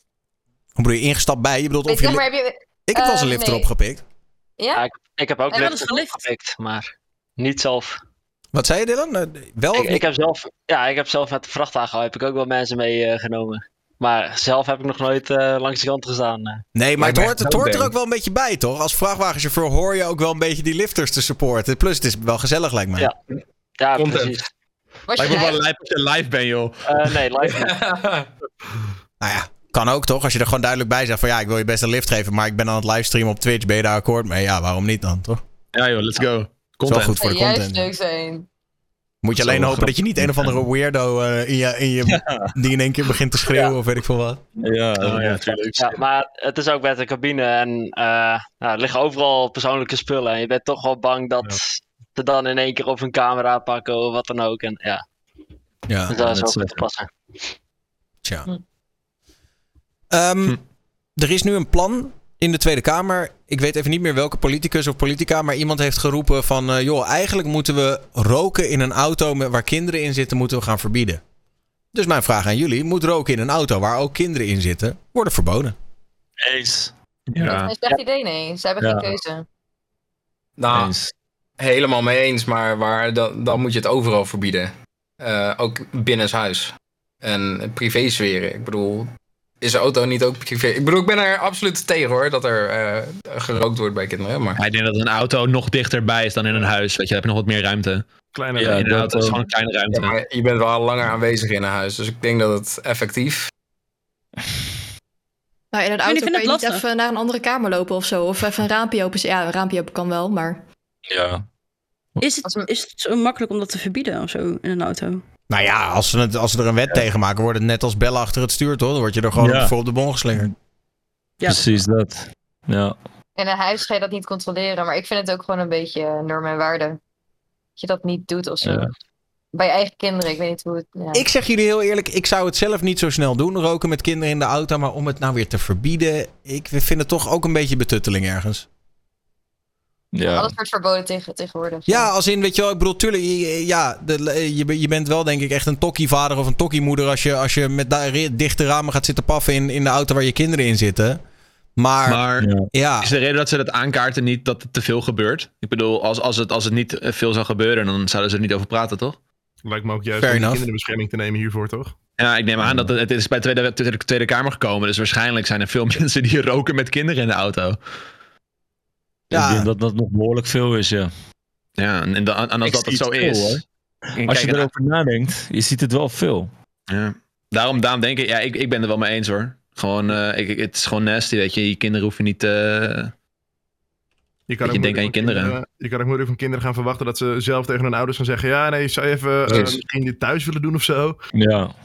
Zeker als je geboren wordt in een huishouden waar gewoon standig gerookt wordt. Ja. Je weet niet beter. Ja. Ik vind het ook wel een goeie. Maar of het echt te veel gebeurt, weet ik niet. Het is wel natuurlijk de laatste jaren wordt roken steeds minder normaal. En misschien is dat de reden waarom het nu opgegooid wordt. Maar ik denk dat het wel een goeie is. Je moet eerst je iPhone ontzettend... hou je mond. Nou, moet je wel eerst even Iemand doen. weet hoe ik serieus Ja, uit kan halen. Dat is echt al de zoveelste Je moet hem eerst even ontgrendelen, dan een peukje opsteken in de auto. Ja, precies. En je kan Siri gewoon uitschakelen. Hou je mond. Ja, maar hoe dan? Ik heb letterlijk een uur laatst gezeten en ik krijg het gewoon niet Ik help je er elkaar. na de talkshow wel even mee om Siri Dankjewel. eraf te halen. Dat komt goed. Hey Siri, ga uit. Oké. Mm. Ehm, en dan nu. Een eh, onderwerp wat, eh, wat we zeker even moeten meepakken deze week. Eh, en er was vorige week geen talkshow. En dat was misschien maar goed ook, omdat dit toen eh, zo eh, helemaal speelde. Maar inmiddels weten we dat ehm, Peter R. de Vries is overleden. En ik heb daar een, een filmpje bij. Kijk, garanties krijg je Nee. niet, maar als je niks doet, weet je zeker dat het niet opgelost wordt. Een misdaadjournalist die zich als een terrier vastbijt in al zijn zaken. Peter R. de Vries, misdaadverslaggever. U bent getuige bij een programma dat onthult wat politie en onderwereld altijd geheim willen houden, maar u toch moet weten. Peter R. de Vries houdt zich bezig met een hele reeks misdaden. Van de Heineken-ontvoering tot de Marengo-strafzaak. Hij zorgt ervoor dat twee mannen die onterecht hadden vastgezeten voor de Puttense moordzaak worden gerehabiliteerd. En zo stort hij zich op tal van cold case zaken. Marianne Vaatstra, Alex Wiegman en Nicky Verstappen. Met nabestaanden bouwt hij vaak een hechte band op. En hij is emotioneel. Het shirt dat Nicky ooit van Ajax-speler Liedmanen kreeg, hangt bij hem op kantoor. Ik kan je nu wel vertellen, dat shirt, dat neem ik mijn hele leven mee. Dat blijft altijd hangen bij mij als herinnering en eerbetoon aan Nicky. De verdwijning van de Amerikaanse tiener Natalie Holloway. De Vries ontlokt een bekentenis aan Joran van der Sloot. Want als ze dat mij zouden vinden, ben ik bedoeld. De methode met een verborgen camera kan niet op ieders goedkeuring rekenen, maar in Amerika wint hij met zijn programma een Emmy. Belangrijkste televisieprijs ter wereld. Zo jongens, dat zo- sommige mensen tanden knarsen in Nederland. Ook staat hij de zussen van Willem Holleder bij als die tegen hun broer willen getuigen. En dit jaar wilde hij de zaak Tanja Groen oplossen. Een studente die sinds 1993 wordt vermist. De Vries wordt ook vertrouwensman van kroongetuige Nebel B. in het Marengo-proces tegen Ridouan T. Hij vindt dat hij dat niet kan weigeren nadat Nebel B's advocaat Dirk Wiersum is vermoord. Dat hij daarmee zelf ook een risico loopt, neemt hij voor lief. De Vries heeft altijd het motto gehad niet voor dreiging te willen wijken. Een tekst die mijn levensbeschouwing weergeeft. On bended knee is no way to be free. Dat wil zeggen dat niemand ons kan overheersen. 6 juli wordt Peter R. de Vries s'avonds in Amsterdam neergeschoten. Hij loopt zware verwondingen op, waaraan hij nu is bezweken. Peter R. de Vries was Nederlands bekendste misdaadjournalist. Eentje waar niemand omheen kon. Hij is 64 jaar oud geworden. Ja. Eh, ik eh, moet zeggen dat eh, inmiddels heb ik het wel een plekje gegeven. Maar ik was hier wel echt goed eh, kapot van eh, de afgelopen eh, twee weken. En dan vooral omdat, ja, ik bedoel, ik ben zelf heel erg met zijn content en met alles wat hij maakte opgegroeid. En toen ik een beetje voor het eerst media wilde gaan maken, deden we hem na, weet je wel, bij de schooltelevisie. En plakten we een nepsnor op en gingen we zeggen: Dit is het programma wat ontmaskert, onderzoekt, aanklaagt. En geen enkel middel onbeproefd laat. Nou ja. En, en, eh, en, en ik heb hem altijd al doop gevonden en wat hij doet. En ook als je nu inderdaad kijkt naar, naar wat hij allemaal gedaan heeft. Maar ja. Hoe Hij heeft tien jullie- mensenlevens geleefd. Ja, dat- respect. Zo, maar echt. Tja. Ja, het is echt Ja, respect eh, voor die man. een zwarte bladzijde in, eh, in de geschiedenis van, eh, van, van Nederland, denk ik wel. Ik bedoel, eh, je blijft buigen onder, eh, onder dit soort aanslagen. Nou ja, hetzelfde effect dat natuurlijk met Dirk Wiersum, de, de advocaat van, eh van Nabil B. Ehm, het, het blijft keer op keer toch weer een verrassing waar het vandaan gaat komen. Eh, en hoe ver het gaat. En dan is de enige vraag, waar stopt het? Uiteindelijk. Eh, ik, denk, ik denk niet, het is, het is niet eens meer een verrassing waar het vandaan komt. Het is heel duidelijk waar het vandaan komt. Nederland heeft gewoon te maken met echte zware criminaliteit. En, en dat ehm, wordt gewoon, denk ik, nog steeds onderschat. Je hebt hier te maken met mensen die gewoon connecties hebben met eh, de, de lijn die Escobar heeft gehad. Dit, dit zijn mensen die gewoon echt gewoon niks geven om een mensenleven. En ehm, ja, weet je, het is echt heftig. En het wordt alleen maar heftiger. Je ziet het op klaarlichte dag gewoon midden in een winkelstraat. Hij wordt gewoon neergeschoten alsof het niks is. En, en Peter R. de Vries, kijk, ik heb het altijd gezegd, eh, deze man is echt een legend, weet je. In die zin van, hij kwam op voor iedereen. Weet je, alle minderheden. En als, kijk, ik, ik zal niet 1, 2, 3 iemand missen op tv. Weet je, maar deze guy van kleins af. Ik weet nog dat ik met mijn vader als kleine jongen op de bank zaten we te kijken. En had hij een of andere. Ik, ik herinner me echt nog dat hele programma. Eh, had hij een paar gasten die waren aan het frauderen met Marlboro pakketten of zo. En die had hij dan of zo eh, had hij dan gepakt. Ik, ik weet het nog als kleine jongen dat we daarnaar keken. En die man die was altijd aan het strijden tegen onrecht, weet je. Maar deze, deze criminaliteit, weet je, die taggy, die, die hele bende om hem heen, weet je, dat is echt, dat zijn gasten, daar moet je echt geen grappen mee maken. Maar wat ik wel erg vind is dat, eh, want die advocaten, zeg maar, die eh, Nabil B, eh, zeg maar, ondersteunen.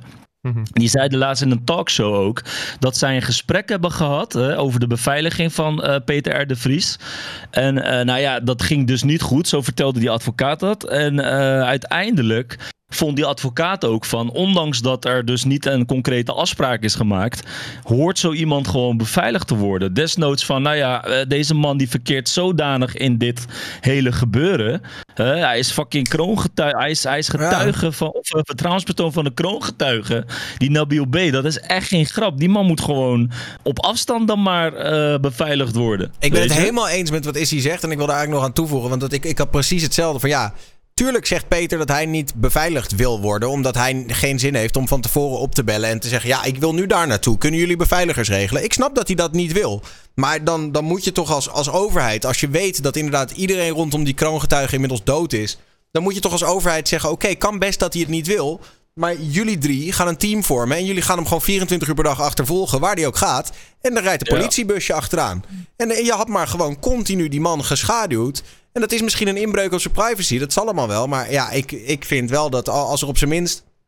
Weet je, dan doe je het misschien niet bij zijn huis. Maar als ze gewoon bij de studio van Boulevard in ieder geval een zeggen. politiebusje bij de ingang hadden gezet. En een politiebusje bij de parkeergarage. En er was maar één, één politieagent meegelopen. Dan was de kans dat dit was gebeurd al, al, heel, eh, al, al een stuk kleiner. Maar ik bedoel, dat is toch borderline stalking dan? En dan is het vanuit de overheidsinstelling. Maar als hij, hij heeft toch ehm, de keuze zelf te maken of hij dat eh, dan wil of niet. Maar ja, ik denk- ja, Maar maar ik- maar snap- waar je vandaan komt hoor. Ik bedoel, dat, dat soort dingen, het, het, het had het wellicht kunnen voorkomen, dat weet je ook niet zeker. Maar uiteindelijk is dat dan als. Ik weet de details niet en er is ook niet veel over vrijgelaten. Maar als hij zelf heeft gezegd: Ik wil dat niet. Ik wil niet dat jullie mij eh, 24 uur per dag op mijn hielen Nou, zitten. nou, hij heeft ook wel gezegd, en dat zie je ook in veel docu's terugkomen, wat ook die Onno de Jong, ook die advocaat van de kroongetuigen ook zegt. Want ze moeten dat regelen met het NCTV, de Nationaal Coördinator Terrorisme en Veiligheid. En iedereen die daarmee te maken heeft, zelfs de mensen die wel beveiligd worden, zeggen allemaal van dat is een hele moeilijke organisatie om zaken mee te doen. En ze zijn totaal niet flexibel en ze, ze passen zich helemaal niet aan aan jouw wensen. Dus waarschijnlijk was het voor Peter wel zo van oké, het is of dit beveiligingspakket wat wij voor jou hebben bedacht, of je zoekt het zelf maar uit. En misschien was er nog een soort tussenoplossing geweest. Ik weet het ook niet, maar ik vind wel dat als letterlijk ons, onze Peter, onze, onze bekendste misdaadjournalist, waar we allemaal van weten dat hij gevaar loopt, als die op klaarlichte dag wordt neergeschoten, dan is er ergens iets fout gegaan en dan kan je niet 100% naar hem wijzen en zeggen, ja, hij wilde het niet. Nee, dat zeg Ja, ik ja, ook. maar Dat vooral niet in deze zaak. Hè. Deze guy, die, die, die is vertrouwenspersoon van een, een, een persoon, die Nabil B. Dat is insane. Als je dat volgt, hoe deze mensen... eh, Iedereen. eh, eh, het is bizar wat voor moorden ze hebben gepleegd. Het is insane. Dus dit is zo hard dat je dan gewoon zoiets hebt van... hé, hey, hoe dan ook, we moeten dit gewoon echt dicht bij ons houden en in de gaten houden. Ik, ik was echt in shock toen ik hem zag lopen, die, dat, eh, die, dat, die beelden. Dat je hem gewoon zo vrij ziet lopen daar.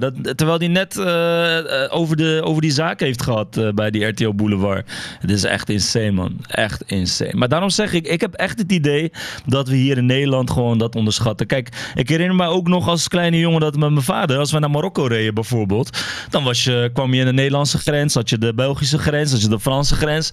Maar het is allemaal open. Alles is open. Alles komt binnen hier zo, weet je. De wapenhandel is insane. Je kan nog sneller een, een pistool kopen dan dat je een snoepje koopt. Weet je. En, en, maar ze staan erbij en ze hebben zoiets van, ja, het is nu een hot topic. Het komt op het nieuws en straks is het weer gewoon... Kijk, ik hoop wel één ding, dat eh, door dit... Weet je, het is echt fucked up voor, voor de familie nabestaanden voor die Peter, van Peter R. de Vries. En dat, dat deze man dit heeft moeten ondergaan. Maar ik hoop echt dat ze nu alles op scherp gaan zetten, weet je. En, en echt hier wat aan gaan doen. Ja, dat hoop ik ook. Nou ja, en gewoon dat er, dat, we in, dat er een soort klimaat is in Nederland nu waarbij überhaupt, weet je wel, even los van of Peter wel of niet beveiligd wordt, waarin het gewoon mogelijk is, weet je wel, dat je inderdaad iemand op klaarlichte dag doodschiet, misdaadjournalist of niet. Ja, Eh, is we, zijn wel, we Ja. zijn wel echt diep gezonken. Ik bedoel... eh, echt diep gezonken. Ja, maar sorry, dit is niet nieuw. Dit nou ja, sorry, nieuw. sorry, maar de, de, En, de, eh, frequen- de frequentie waarmee. En de, kijk, voor het, afrekeningen in het criminele circuit zijn niet nieuw. Nee, dat klopt. Dat, dat een, de ene crimineel de andere omlegt, daar is niks nieuws aan. Maar dat er advocaten en misdaadverslaggevers en, en, en broeren van getuigen, letterlijk gewoon mensen die, getuigen, ja. mensen die Ja. niets met de criminaliteit te maken hebben, worden, op, worden Mm. koud gemaakt om niks. Er wordt iemand zijn hoofd afgehakt in Amsterdam en dat hoofd wordt op de stoep neergelegd. Dat is wel even een ander niveautje dan in de tijd van Willem Holleden hoor. Het zijn gewoon, het zijn gewoon karteltaferelen. Dat zie je gewoon wat er in Mexico, Colombia, weet ik veel wat eh, gebeurt. Dat gebeurt nu gewoon hier. En dat is echt insane. En ze houden nergens rekening mee. Het is zo hard, weet je. Dat, stel dat jij daar als voorbijganger erbij eh, loopt, hè, dan eh kun jij ook net zo goed een kogel vangen. Of, of een vergismoorden. Ja. Weet je hoeveel De vergismoorden er zijn vergismoorden, ja. Gewoon dat, je zo weinig, dat het je zo weinig boeit. Dat Ja. je nog denkt, ah, het zal die wel zijn. Pop, pop, pop. Ja, Ja. bam, bam, bam. Maar is gewoon iemand dood. Dat is insane, man. Ik weet niet Maar of jullie het ook hebben gehoord. We hebben hier op, eh, op Malta is er ook een paar jaar geleden een eh journaliste vermoord in een eh, autobom. Ehm, dus het nieuws nu van Peter R. de Vries is ook best wel groot geweest hier op Malta. Eh, dat hij dus ook is vermoord, letterlijk. Ja, dat is hij En ook, ja. Het is echt... eh, het is heel heftig dat dit nu Maar kan wat ook, gebeuren met journalisten. maar wat, Ja, maar wat ook echt heel schrikbarend is, is dat je ziet dat er heel veel jongeren, weet je, deze guy die verdacht wordt, we weten niet of hij het is, maar dit was gewoon een jonge guy die nog eh, kennelijk ook nog wat in het verleden met, eh So You Think You Can, weet ik veel, hij heeft een of andere dans of hij is ook een rapper geweest. En Die het is ja. Ja, hij wordt nu verdacht, maar het is toch insane dat, dat, dat er zoveel jongeren zijn. Want het zijn vaak jongeren hè, die, die, opges- die gestuurd worden om zo'n hit te doen. Ehm, ja, het is bizar, weet je. Beïnvloedbaar natuurlijk ook. Hè. Dus je misschien Ja. de consequenties niet per se.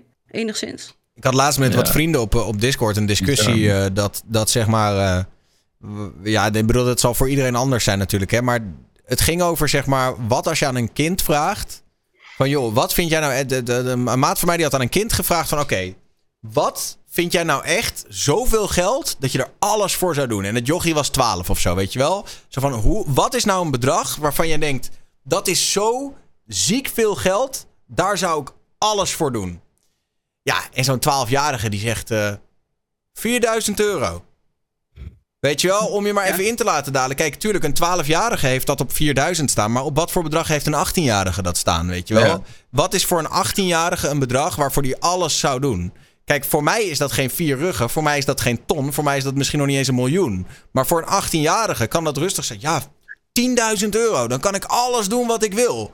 En voor Ja. je het weet sta je daar inderdaad een of andere... Iemand, ander- iemand anders eh, zijn vuile klusjes op te ruimen. Ja. ja, bizar man. Ja. Insane. Ik ben wel heel erg nieuwsgierig hoe dit nu gaat lopen. Ook met eh, ook die, die gasten die nu vastzitten. En, en dat die hele, al die zaken die nu lopen.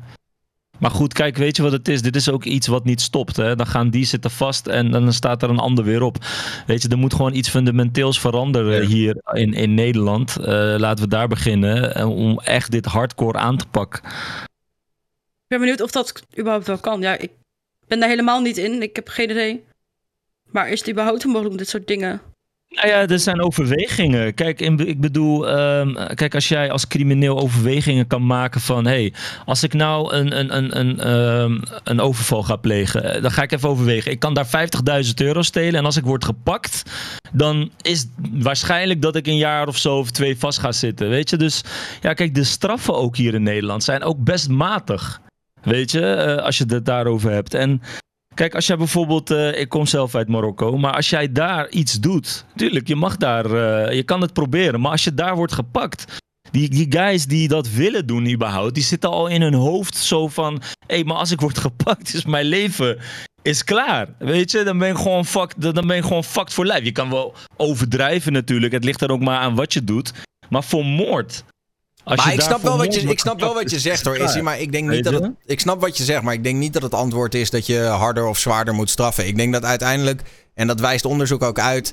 eh, zwaarder straffen of meer straffen helpt uiteindelijk Hard. helemaal totaal niet om de criminaliteit terug te brengen. Het enige wat helpt is, het is- het enige wat echt is- helpt is jongeren andere kansen bieden. Zorgen dat op het moment dat jij in een, in, een, in een kansarme wijk woont, dat er iemand naar je toe komt en die zegt: joh, inderdaad, je kan pakjes gaan lopen pushen voor, voor een paar honderd euro. Maar je kan ook met mij nu meekomen en alles leren over eh, iets waar je echt talent voor hebt en daar succesvol mee worden. Weet je, ik denk dat het veel meer in, in kansen zit dan. eh, Klopt. Absoluut helemaal mee eens. Het is ook een onderdeel. Hè. Het is niet dat dat alles oplost. Maar inderdaad, eh, we hebben zoveel problemen in onze maatschappij ook. Buurten, achterstandbuurten, kansloze jongeren. Ja, daar zit zeker de winst. Daar moet ook absoluut naar gekeken worden. Ik denk echt dat, Dat met het, meer eh, straffen of alleen maar nog meer eh, bruutheid of meer wraak of whatever, ja, daar schiet je eigenlijk niks mee op. Je moet gewoon zorgen dat, dat, dat kids, zeg maar, gemotiveerd worden om minder snel die keuze voor de criminaliteit te maken. En die is gewoon nu heel verleidelijk. Want ja, als ik jou Ja. de keuze geef van, joh, wil je 10 minuten werken voor, voor 10k of wil je een hele week werken en 300 euro overhouden? Ja, ik snap ook wel dat die, die criminaliteit lonkt dan. Nou ja. Klopt. Tja. Het is wel grappig. eh, in de Blacklist zat er een, eh, een, eh, een zin van eh, whoever eh, said that crime doesn't pay isn't doing it right. Ja.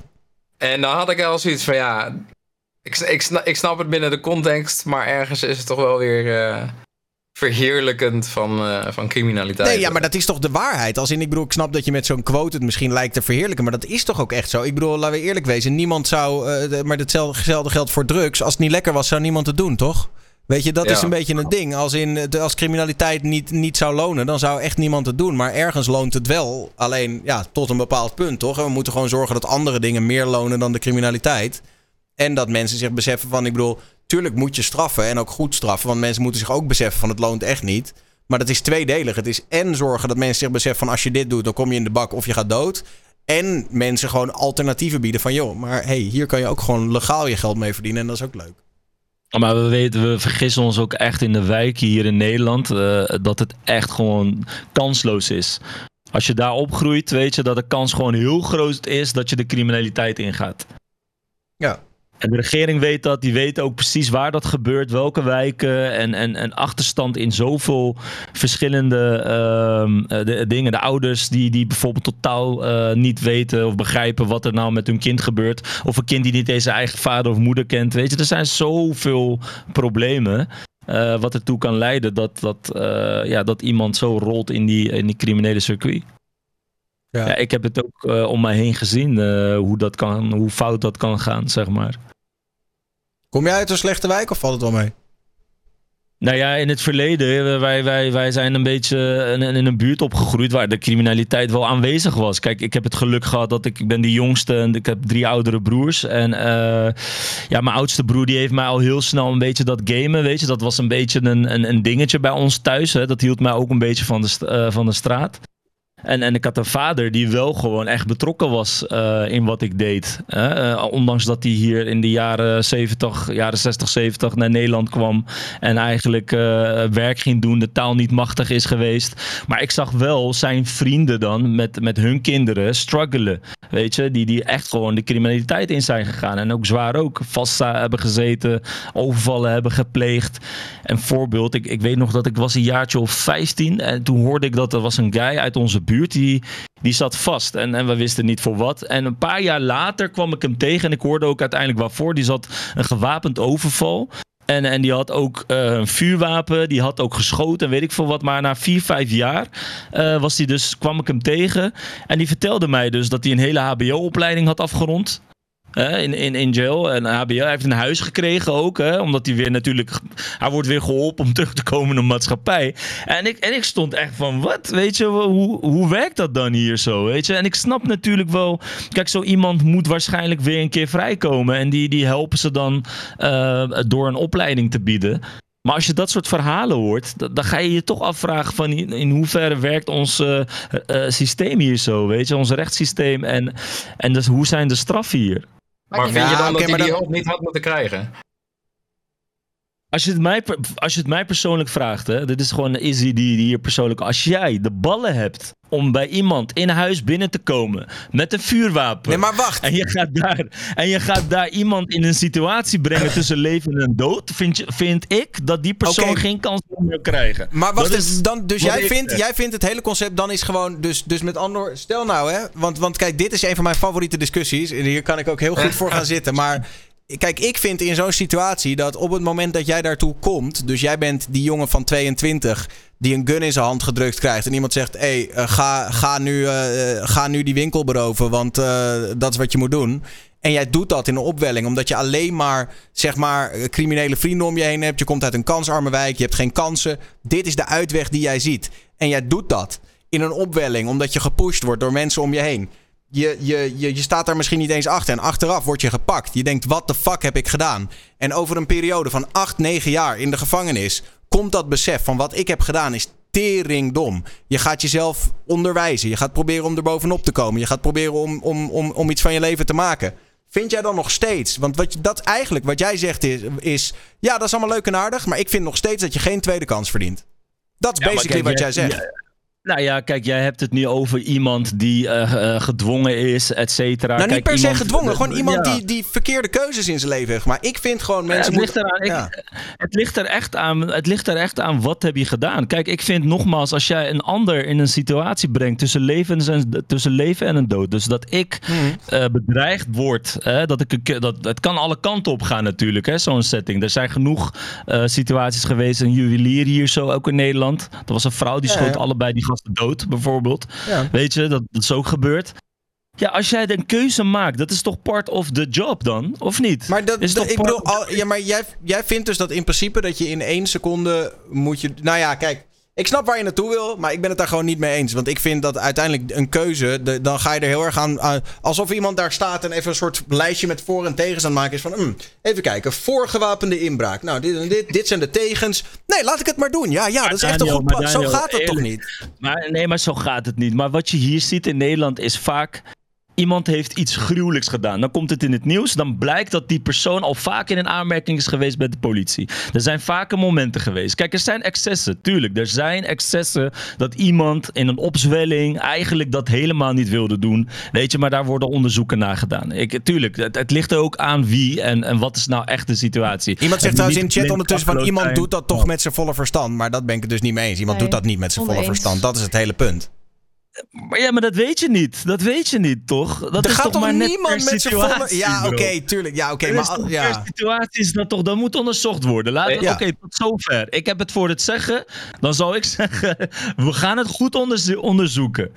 Maar als het dan feitelijk blijkt te zijn dat deze guy of girl, wie dan ook, al vaker dit heeft eh, in aanmerking is gekomen.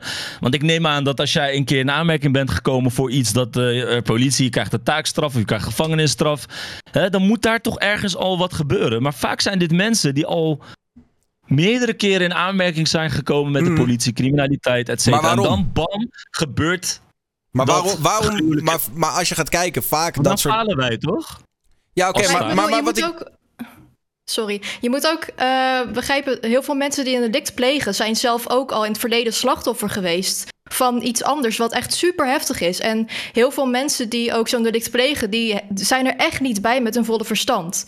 Die, heel veel mensen zijn gewoon chronisch psychotisch. En heel veel mensen hebben ook weinig kennis over psychoses... en schizofrenie en dat soort psychiatrische stoornissen. Exact dat. Terwijl, en omdat er ook zoveel onbegrip is en onkennis, maakt ook dat heel veel mensen denken: oh ja, maar dat is gewoon een klootzak en die moet een uh, kogel door zijn kop krijgen. maar Lisa, dat snap ik heel goed. Er zijn uitzonderingen. Maar ik durf te wedden, deze guys die hier zo aanslagen lopen te plegen, die hele tuurlijk. criminele Nee, circuit maar hier, tuurlijk, maar daar hadden we het nu niet over, maar- Die, die denken gewoon over money, hè, dit gaan we doen. Die is gewoon er helemaal bij met zijn hoofd.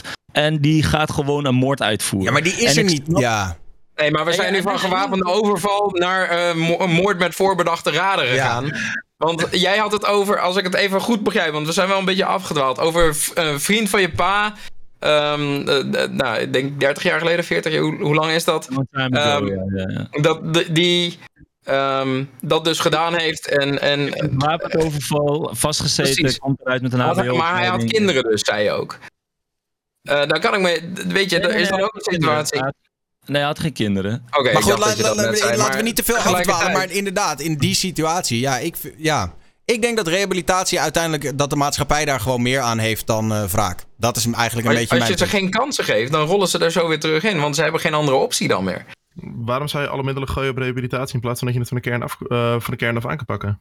Nou als ja, je de omdat- middelen die je nu nou, volledig inzet, die je nu eh, op rehabilitatie gooit, als je daarmee eh, g- ja, groter en meer probeert om het probleem vanaf de kern aan te pakken, dus vanaf de jeugd, eh, misschien met Ja, ouders die eens. eh, minder omgeven, eh, Dat is absoluut waar. vrienden. En daarnaast heb je natuurlijk ook nog het punt dat op het moment dat je eh, in een omgeving woont, in een wijk woont, in een buurt woont, waar ehm, ja, waarbij je in een groep zit waarbij politie de vijand is, waarbij eh, je geen kansen krijgt. En als je dan eh, in een groep in die wijk zit waarbij dat alleen maar elkaar versterkt, dan is het natuurlijk ook helemaal niet stoer om te zeggen: ja, nee, ik ga deelnemen aan een eh, programma van de, van de, van de Ja. regering om het beter hier te maken. Want je hoort er dan niet meer bij.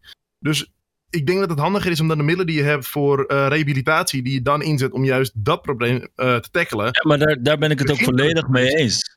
Ja.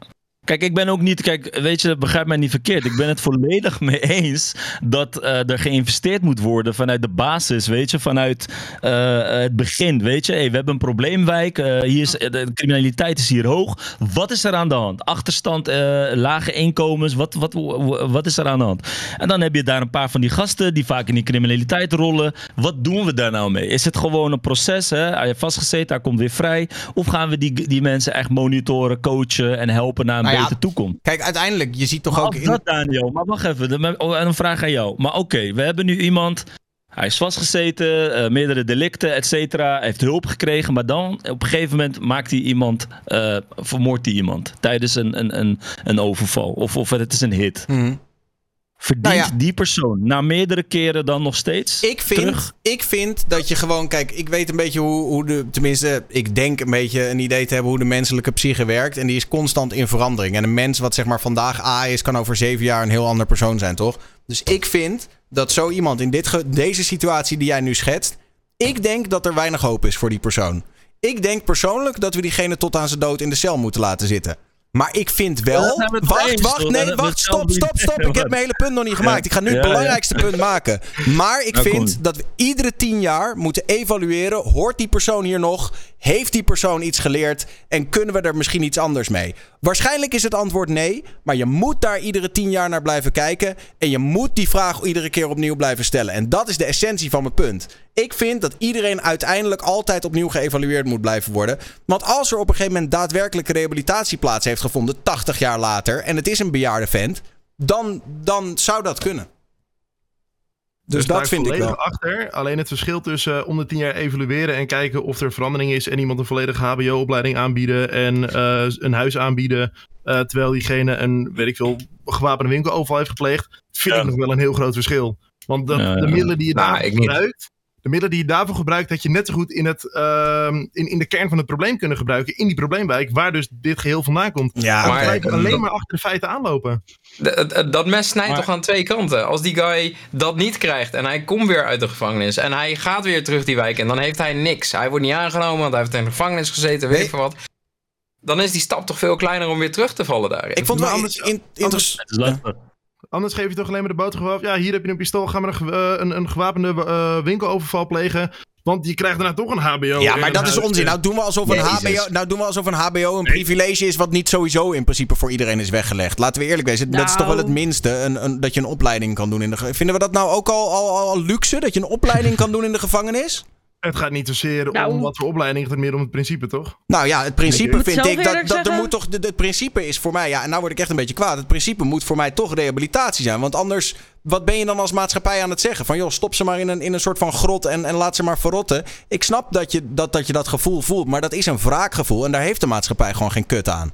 Dus ik heb Ja, maar- liever dat je iemand inderdaad de mogelijkheid geeft op een HBO-opleiding. dan dat je iemand ja, eigenlijk meer de put in gaat proberen te krijgen. Want wat heb je daar als maatschappij uiteindelijk aan?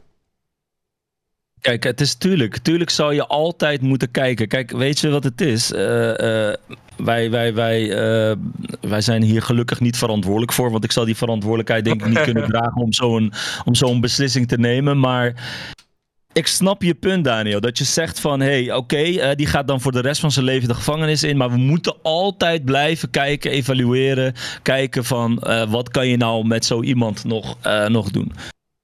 Maar als, je nou, als je het nou omdraait, hè, de schade die deze persoon heeft aangedaan eh, bij de familie, bij de mensen die daar eh, onder lijden. Nou ja, Hè, dus- ne- Neem je dat ook mee in Nou, overweging? dat is grappig dan dat je in- dat in- zegt, want je ziet heel veel families die uiteindelijk, de meeste families van wie bijvoorbeeld een kind is gestorven, zie je dat die uiteindelijk, en dit is een heel vaak voorkomend ding, dat die uiteindelijk naar de dader toe gaan en zeggen: Ik vergeef je omdat dat voor hun het verwerkingsproces, zeg maar, uiteindelijk in gang zet, toch? Van ik vergeef, ik, ik snap dat jij bent niet deze dader, ik vergeef jou. Dat is uiteindelijk vaak het sterkste wat zij kunnen doen voor hun eigen verwerkingsproces, toch? Dus met andere woorden, ik denk dat wraak ook voor nabestaanden niks oplost. Ik denk dat mensen denken dat ze gelukkig worden. Als een, mensen denken dat ze gelukkig worden van wraak. Zo van, als de, als de dader maar de rest van zijn leven wegrot in een donkere kerker... dan maakt dat voor mij iets goed. Maar je merkt dat in de praktijk, als dat helemaal gebeurt... dan voelen ze die voldoening helemaal niet. En dan gaan ze denken, oké, maar wat gaat me die voldoening dan wel geven? En dan komen ze vaak op ge- vergeven uit. An eye for an eye just makes everyone blind. Mooie, Blood in, blood out. Ik vind dat eh, heb mooie woorden om hem, eh, om, hem mee, eh, om hem mee af te sluiten, eh, eh, jongens.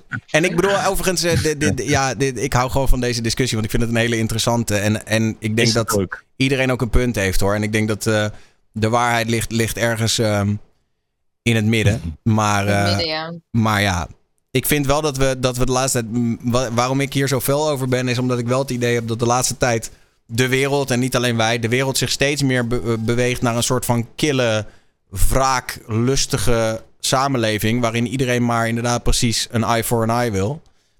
En ik denk niet dat we daar beter van worden met z'n allen. Ik zou niet willen dat wij ons verlagen tot het niveau van de mensen die zo lafhartig Peter hebben neergeschoten. Ik wil dat wij daarboven staan. En, en juist als Peter, net zoals Peter zou hebben gewild, iedereen een kans geven. Volgens mij was Peter of John van der Heuvel een van de twee die ook zei van ja. Ik heb ook ooit een keer, toen ik jong was, een gun aangeboden gekregen. En als ik niet de, die familie om me heen had gehad, had ik ook het slechte pad op kunnen gaan. Weet je wel? Ja. Ja, maar ik heb wel zo dat vroeger lette iedereen op elkaar en was er ook minder eh, criminaliteit. Tegenwoordig, als jij al problemen hebt of je zit in een moeilijk gezin en je zoekt hulp, dat gewoon de overheid zoveel verschillende instanties hebt. Die zit alleen maar met papierwerk te klooien.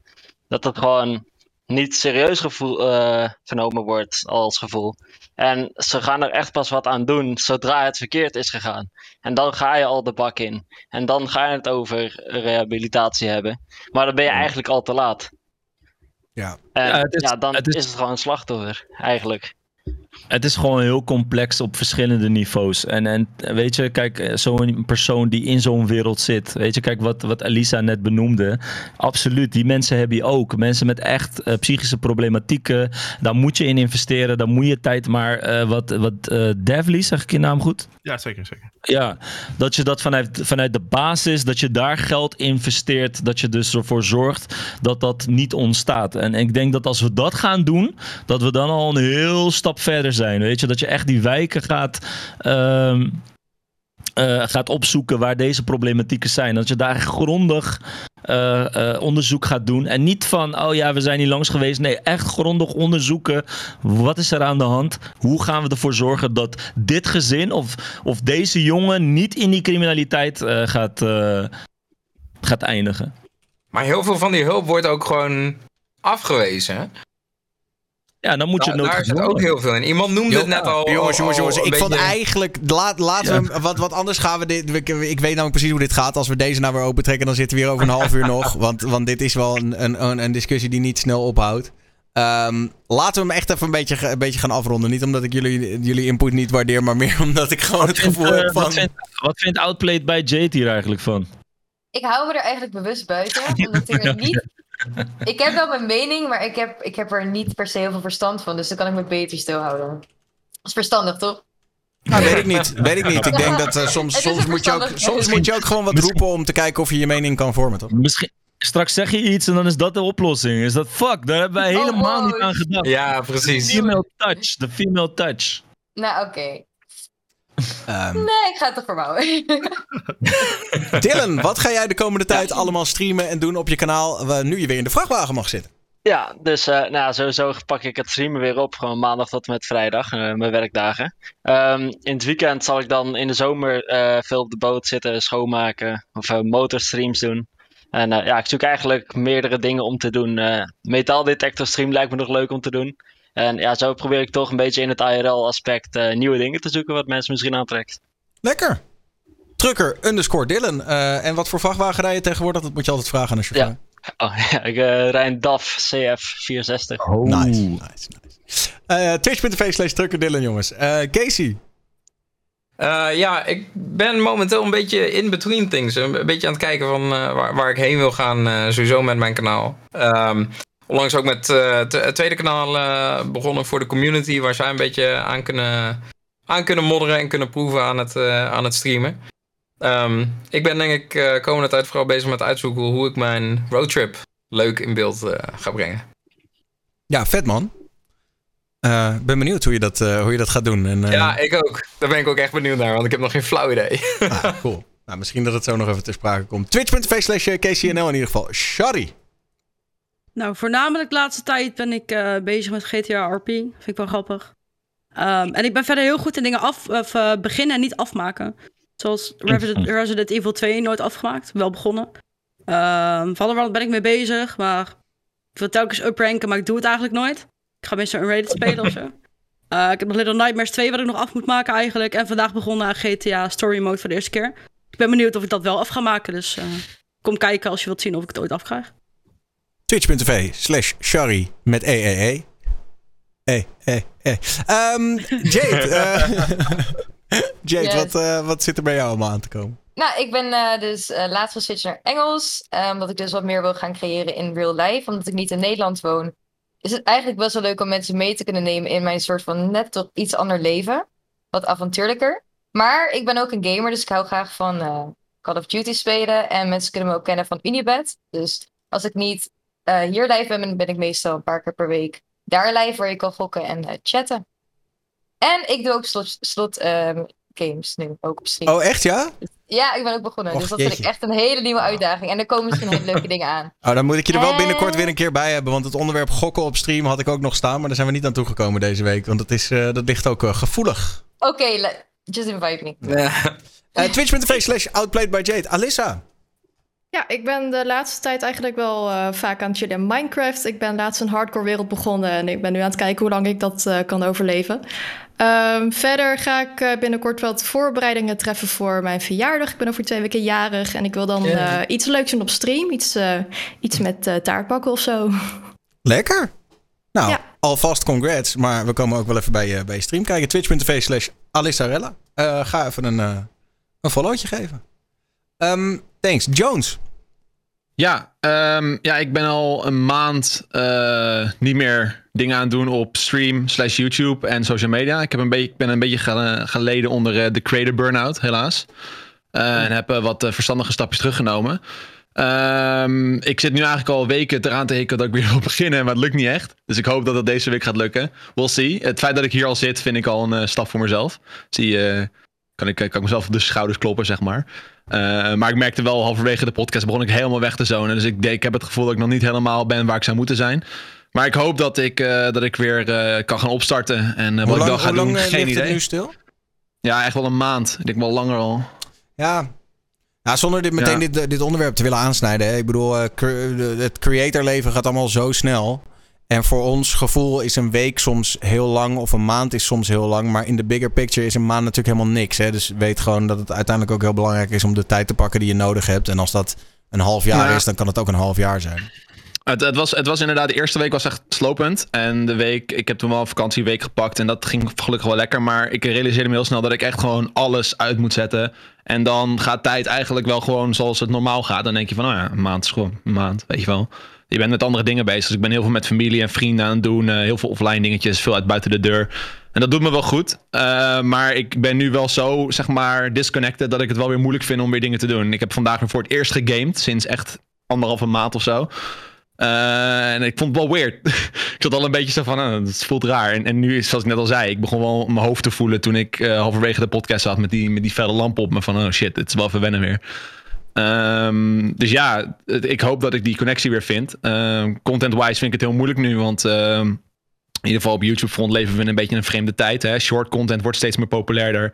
TikToks, eh, Reels eh, of, en dat soort eh, ongein. En gaming zit een beetje in een soort van limbo nu. Eh, dus ik ben heel erg aan het zoeken wat ik nu wil gaan doen. En ik hoop dat ik dat snel uit kan vogelen wat ik wil weer eh, maken. Ja. Nou, gun jezelf de tijd in ieder geval. Man. En sterkte. Ja, nee, komt goed. Het komt goed. I'm working on it. Twitch.tv slash Joost, ladies and gentlemen. Ehm, en inderdaad, hou je taai, Joost. De Issy. Yes, yo, yo, sterkte, broeder. Komt goed. Komt goed. Keep your head up, man. Eh, ja, ik ga gewoon lekker eh, gamen, man. Variety games. Ik ben nu bezig met eh, Zelda Skyward Sword. Die is laatst uitgekomen. Die ga ik lekker rustig uitspelen. En eh, dat eigenlijk. Ja, man. Lekker gamen. Lekker. Twitch.tv slash Issy the One. Gewoon lekker game. ja. Ik vind het mooi. Altijd als ik, als, als ik het heb over gaming is niet meer het populairst op Twitch, dan is altijd is hij dan zo. Hey. Keep on playing games, man. Precies. Nee, je hebt gelijk. Playing games. Dus, je zou mij ooit een keer weer een IRL zien doen, maar dan moet het ook iets denken, game gerelateerd zijn. Ik ben wel weer nu weer lekker aan het sporten veel, weet je. Sport is ook echt een grote passie van mij. Ik zit eraan te denken om een combinatie te maken. Ik wil een beetje dat gamen combineren met sporten. Kijken of ik daar iets in kan doen. Kijken of ik die, die, die game nerds allemaal. Ik ben zelf ook een game nerd hoor, maar een beetje ook in beweging kan krijgen. Ja, toch? Ja, toch? Lekker. Dus, eh who knows? Twitch.tv slash Issy the One. Eh, ehm, Devly. Ja. Vertel. Ehm, nou ja, de aankomende tijd. Ik heb twee maanden vakantie, dus dat is overheerlijk. Eh, ik, ga, nou, ik ben nu vooral bezig met uh, GTO RP. Ik heb daar een eh, vrij, eh, vrij uitbundig karakter. Ehm, daarbij eh, wil ik eigenlijk wat meer IRL dingetjes gaan doen. Eh, ik heb tenslotte twee maanden nou, niks te doen. Ehm, een beetje variety weer op gaan pakken. Eh, kijken of ik weer een beetje terug kan naar de oude S&P roots met, eh, met de Minecraft wereldje of zo. Eh, en eh, verder een beetje, een beetje shooters, een beetje eh, GTA, een beetje, een beetje lachen, gieren, brullen en toffe dingen doen. Ja, nou dat klinkt gezellig toch? Gewoon lekker, eh, lekker een beetje lachen, gieren, bullen, GTA. Ja, toch? Eh, nou, lekker. Ga even een kijkje nemen. Twitch.tv slash Devly. Ehm, als dat eh, goed klinkt. Dank jullie wel allemaal voor deze talkshow. Ik vond het een Ja, goede. jij bedankt. Wat ga jij doen? Ja, jij bedankt. Oh ja, nou ik werd dus vlak voordat de talkshow begon, werd ik gebeld door, eh, door mijn programmaleider bij de radio. En die zei, ja, zit een klein beetje omhoog. Zou jij misschien morgen, eh, los van je avondprogramma, ook de ochtendshow willen doen? Dus ik zeg, eh, van 6 tot 10? Zei ze, ja. Dus ik zeg, nou ja, oké, ik ga wel zitten. Dus ik ben over eh 6,5 uur ben ik op de radio. Ga ik even een ochtendshowtje blazen. Dan gaan we nog even een klein middagdutje doen. En dan ben ik s'avonds ook weer op de radio. Oh, dag. Ja, en zo... En daar eh, kapt hij ons af. Je wou Ja, ik wou net zeggen. Ja, ik moet op een gegeven moment wel een Moet keer... gewoon eh, slapen. Ik moet inderdaad op een gegeven moment een keer slapen. Alhoewel ik moet zeggen dat ik vond dit wel een interessante discussie hoor. Ik snap dat soms mensen een beetje zoiets hebben van ja, het hoeft voor mij allemaal niet zo politiek. Maar het zijn wel, ja, het zijn wel dingen die, die er echt toe doen wat mij betreft. Ja. Dus Nice. eh, thanks aan al mijn gasten van vanavond. Ik eh, ga jullie eh, ergens achterlaten met een gezellige raid. En dan zijn we er volgende week weer met een nieuwe editie van de Twitch Talkshow. Dus dank aan iedereen. Geef ze allemaal even een followtje als je dat nog niet had gedaan. En eh, dank aan mijn gasten en dank aan al mijn kijkers. En tot volgende week. Houdoe. Dag. Later. Doei, doei. Drie, dag, nog even zwaaien. 3, 2, 1 en raid.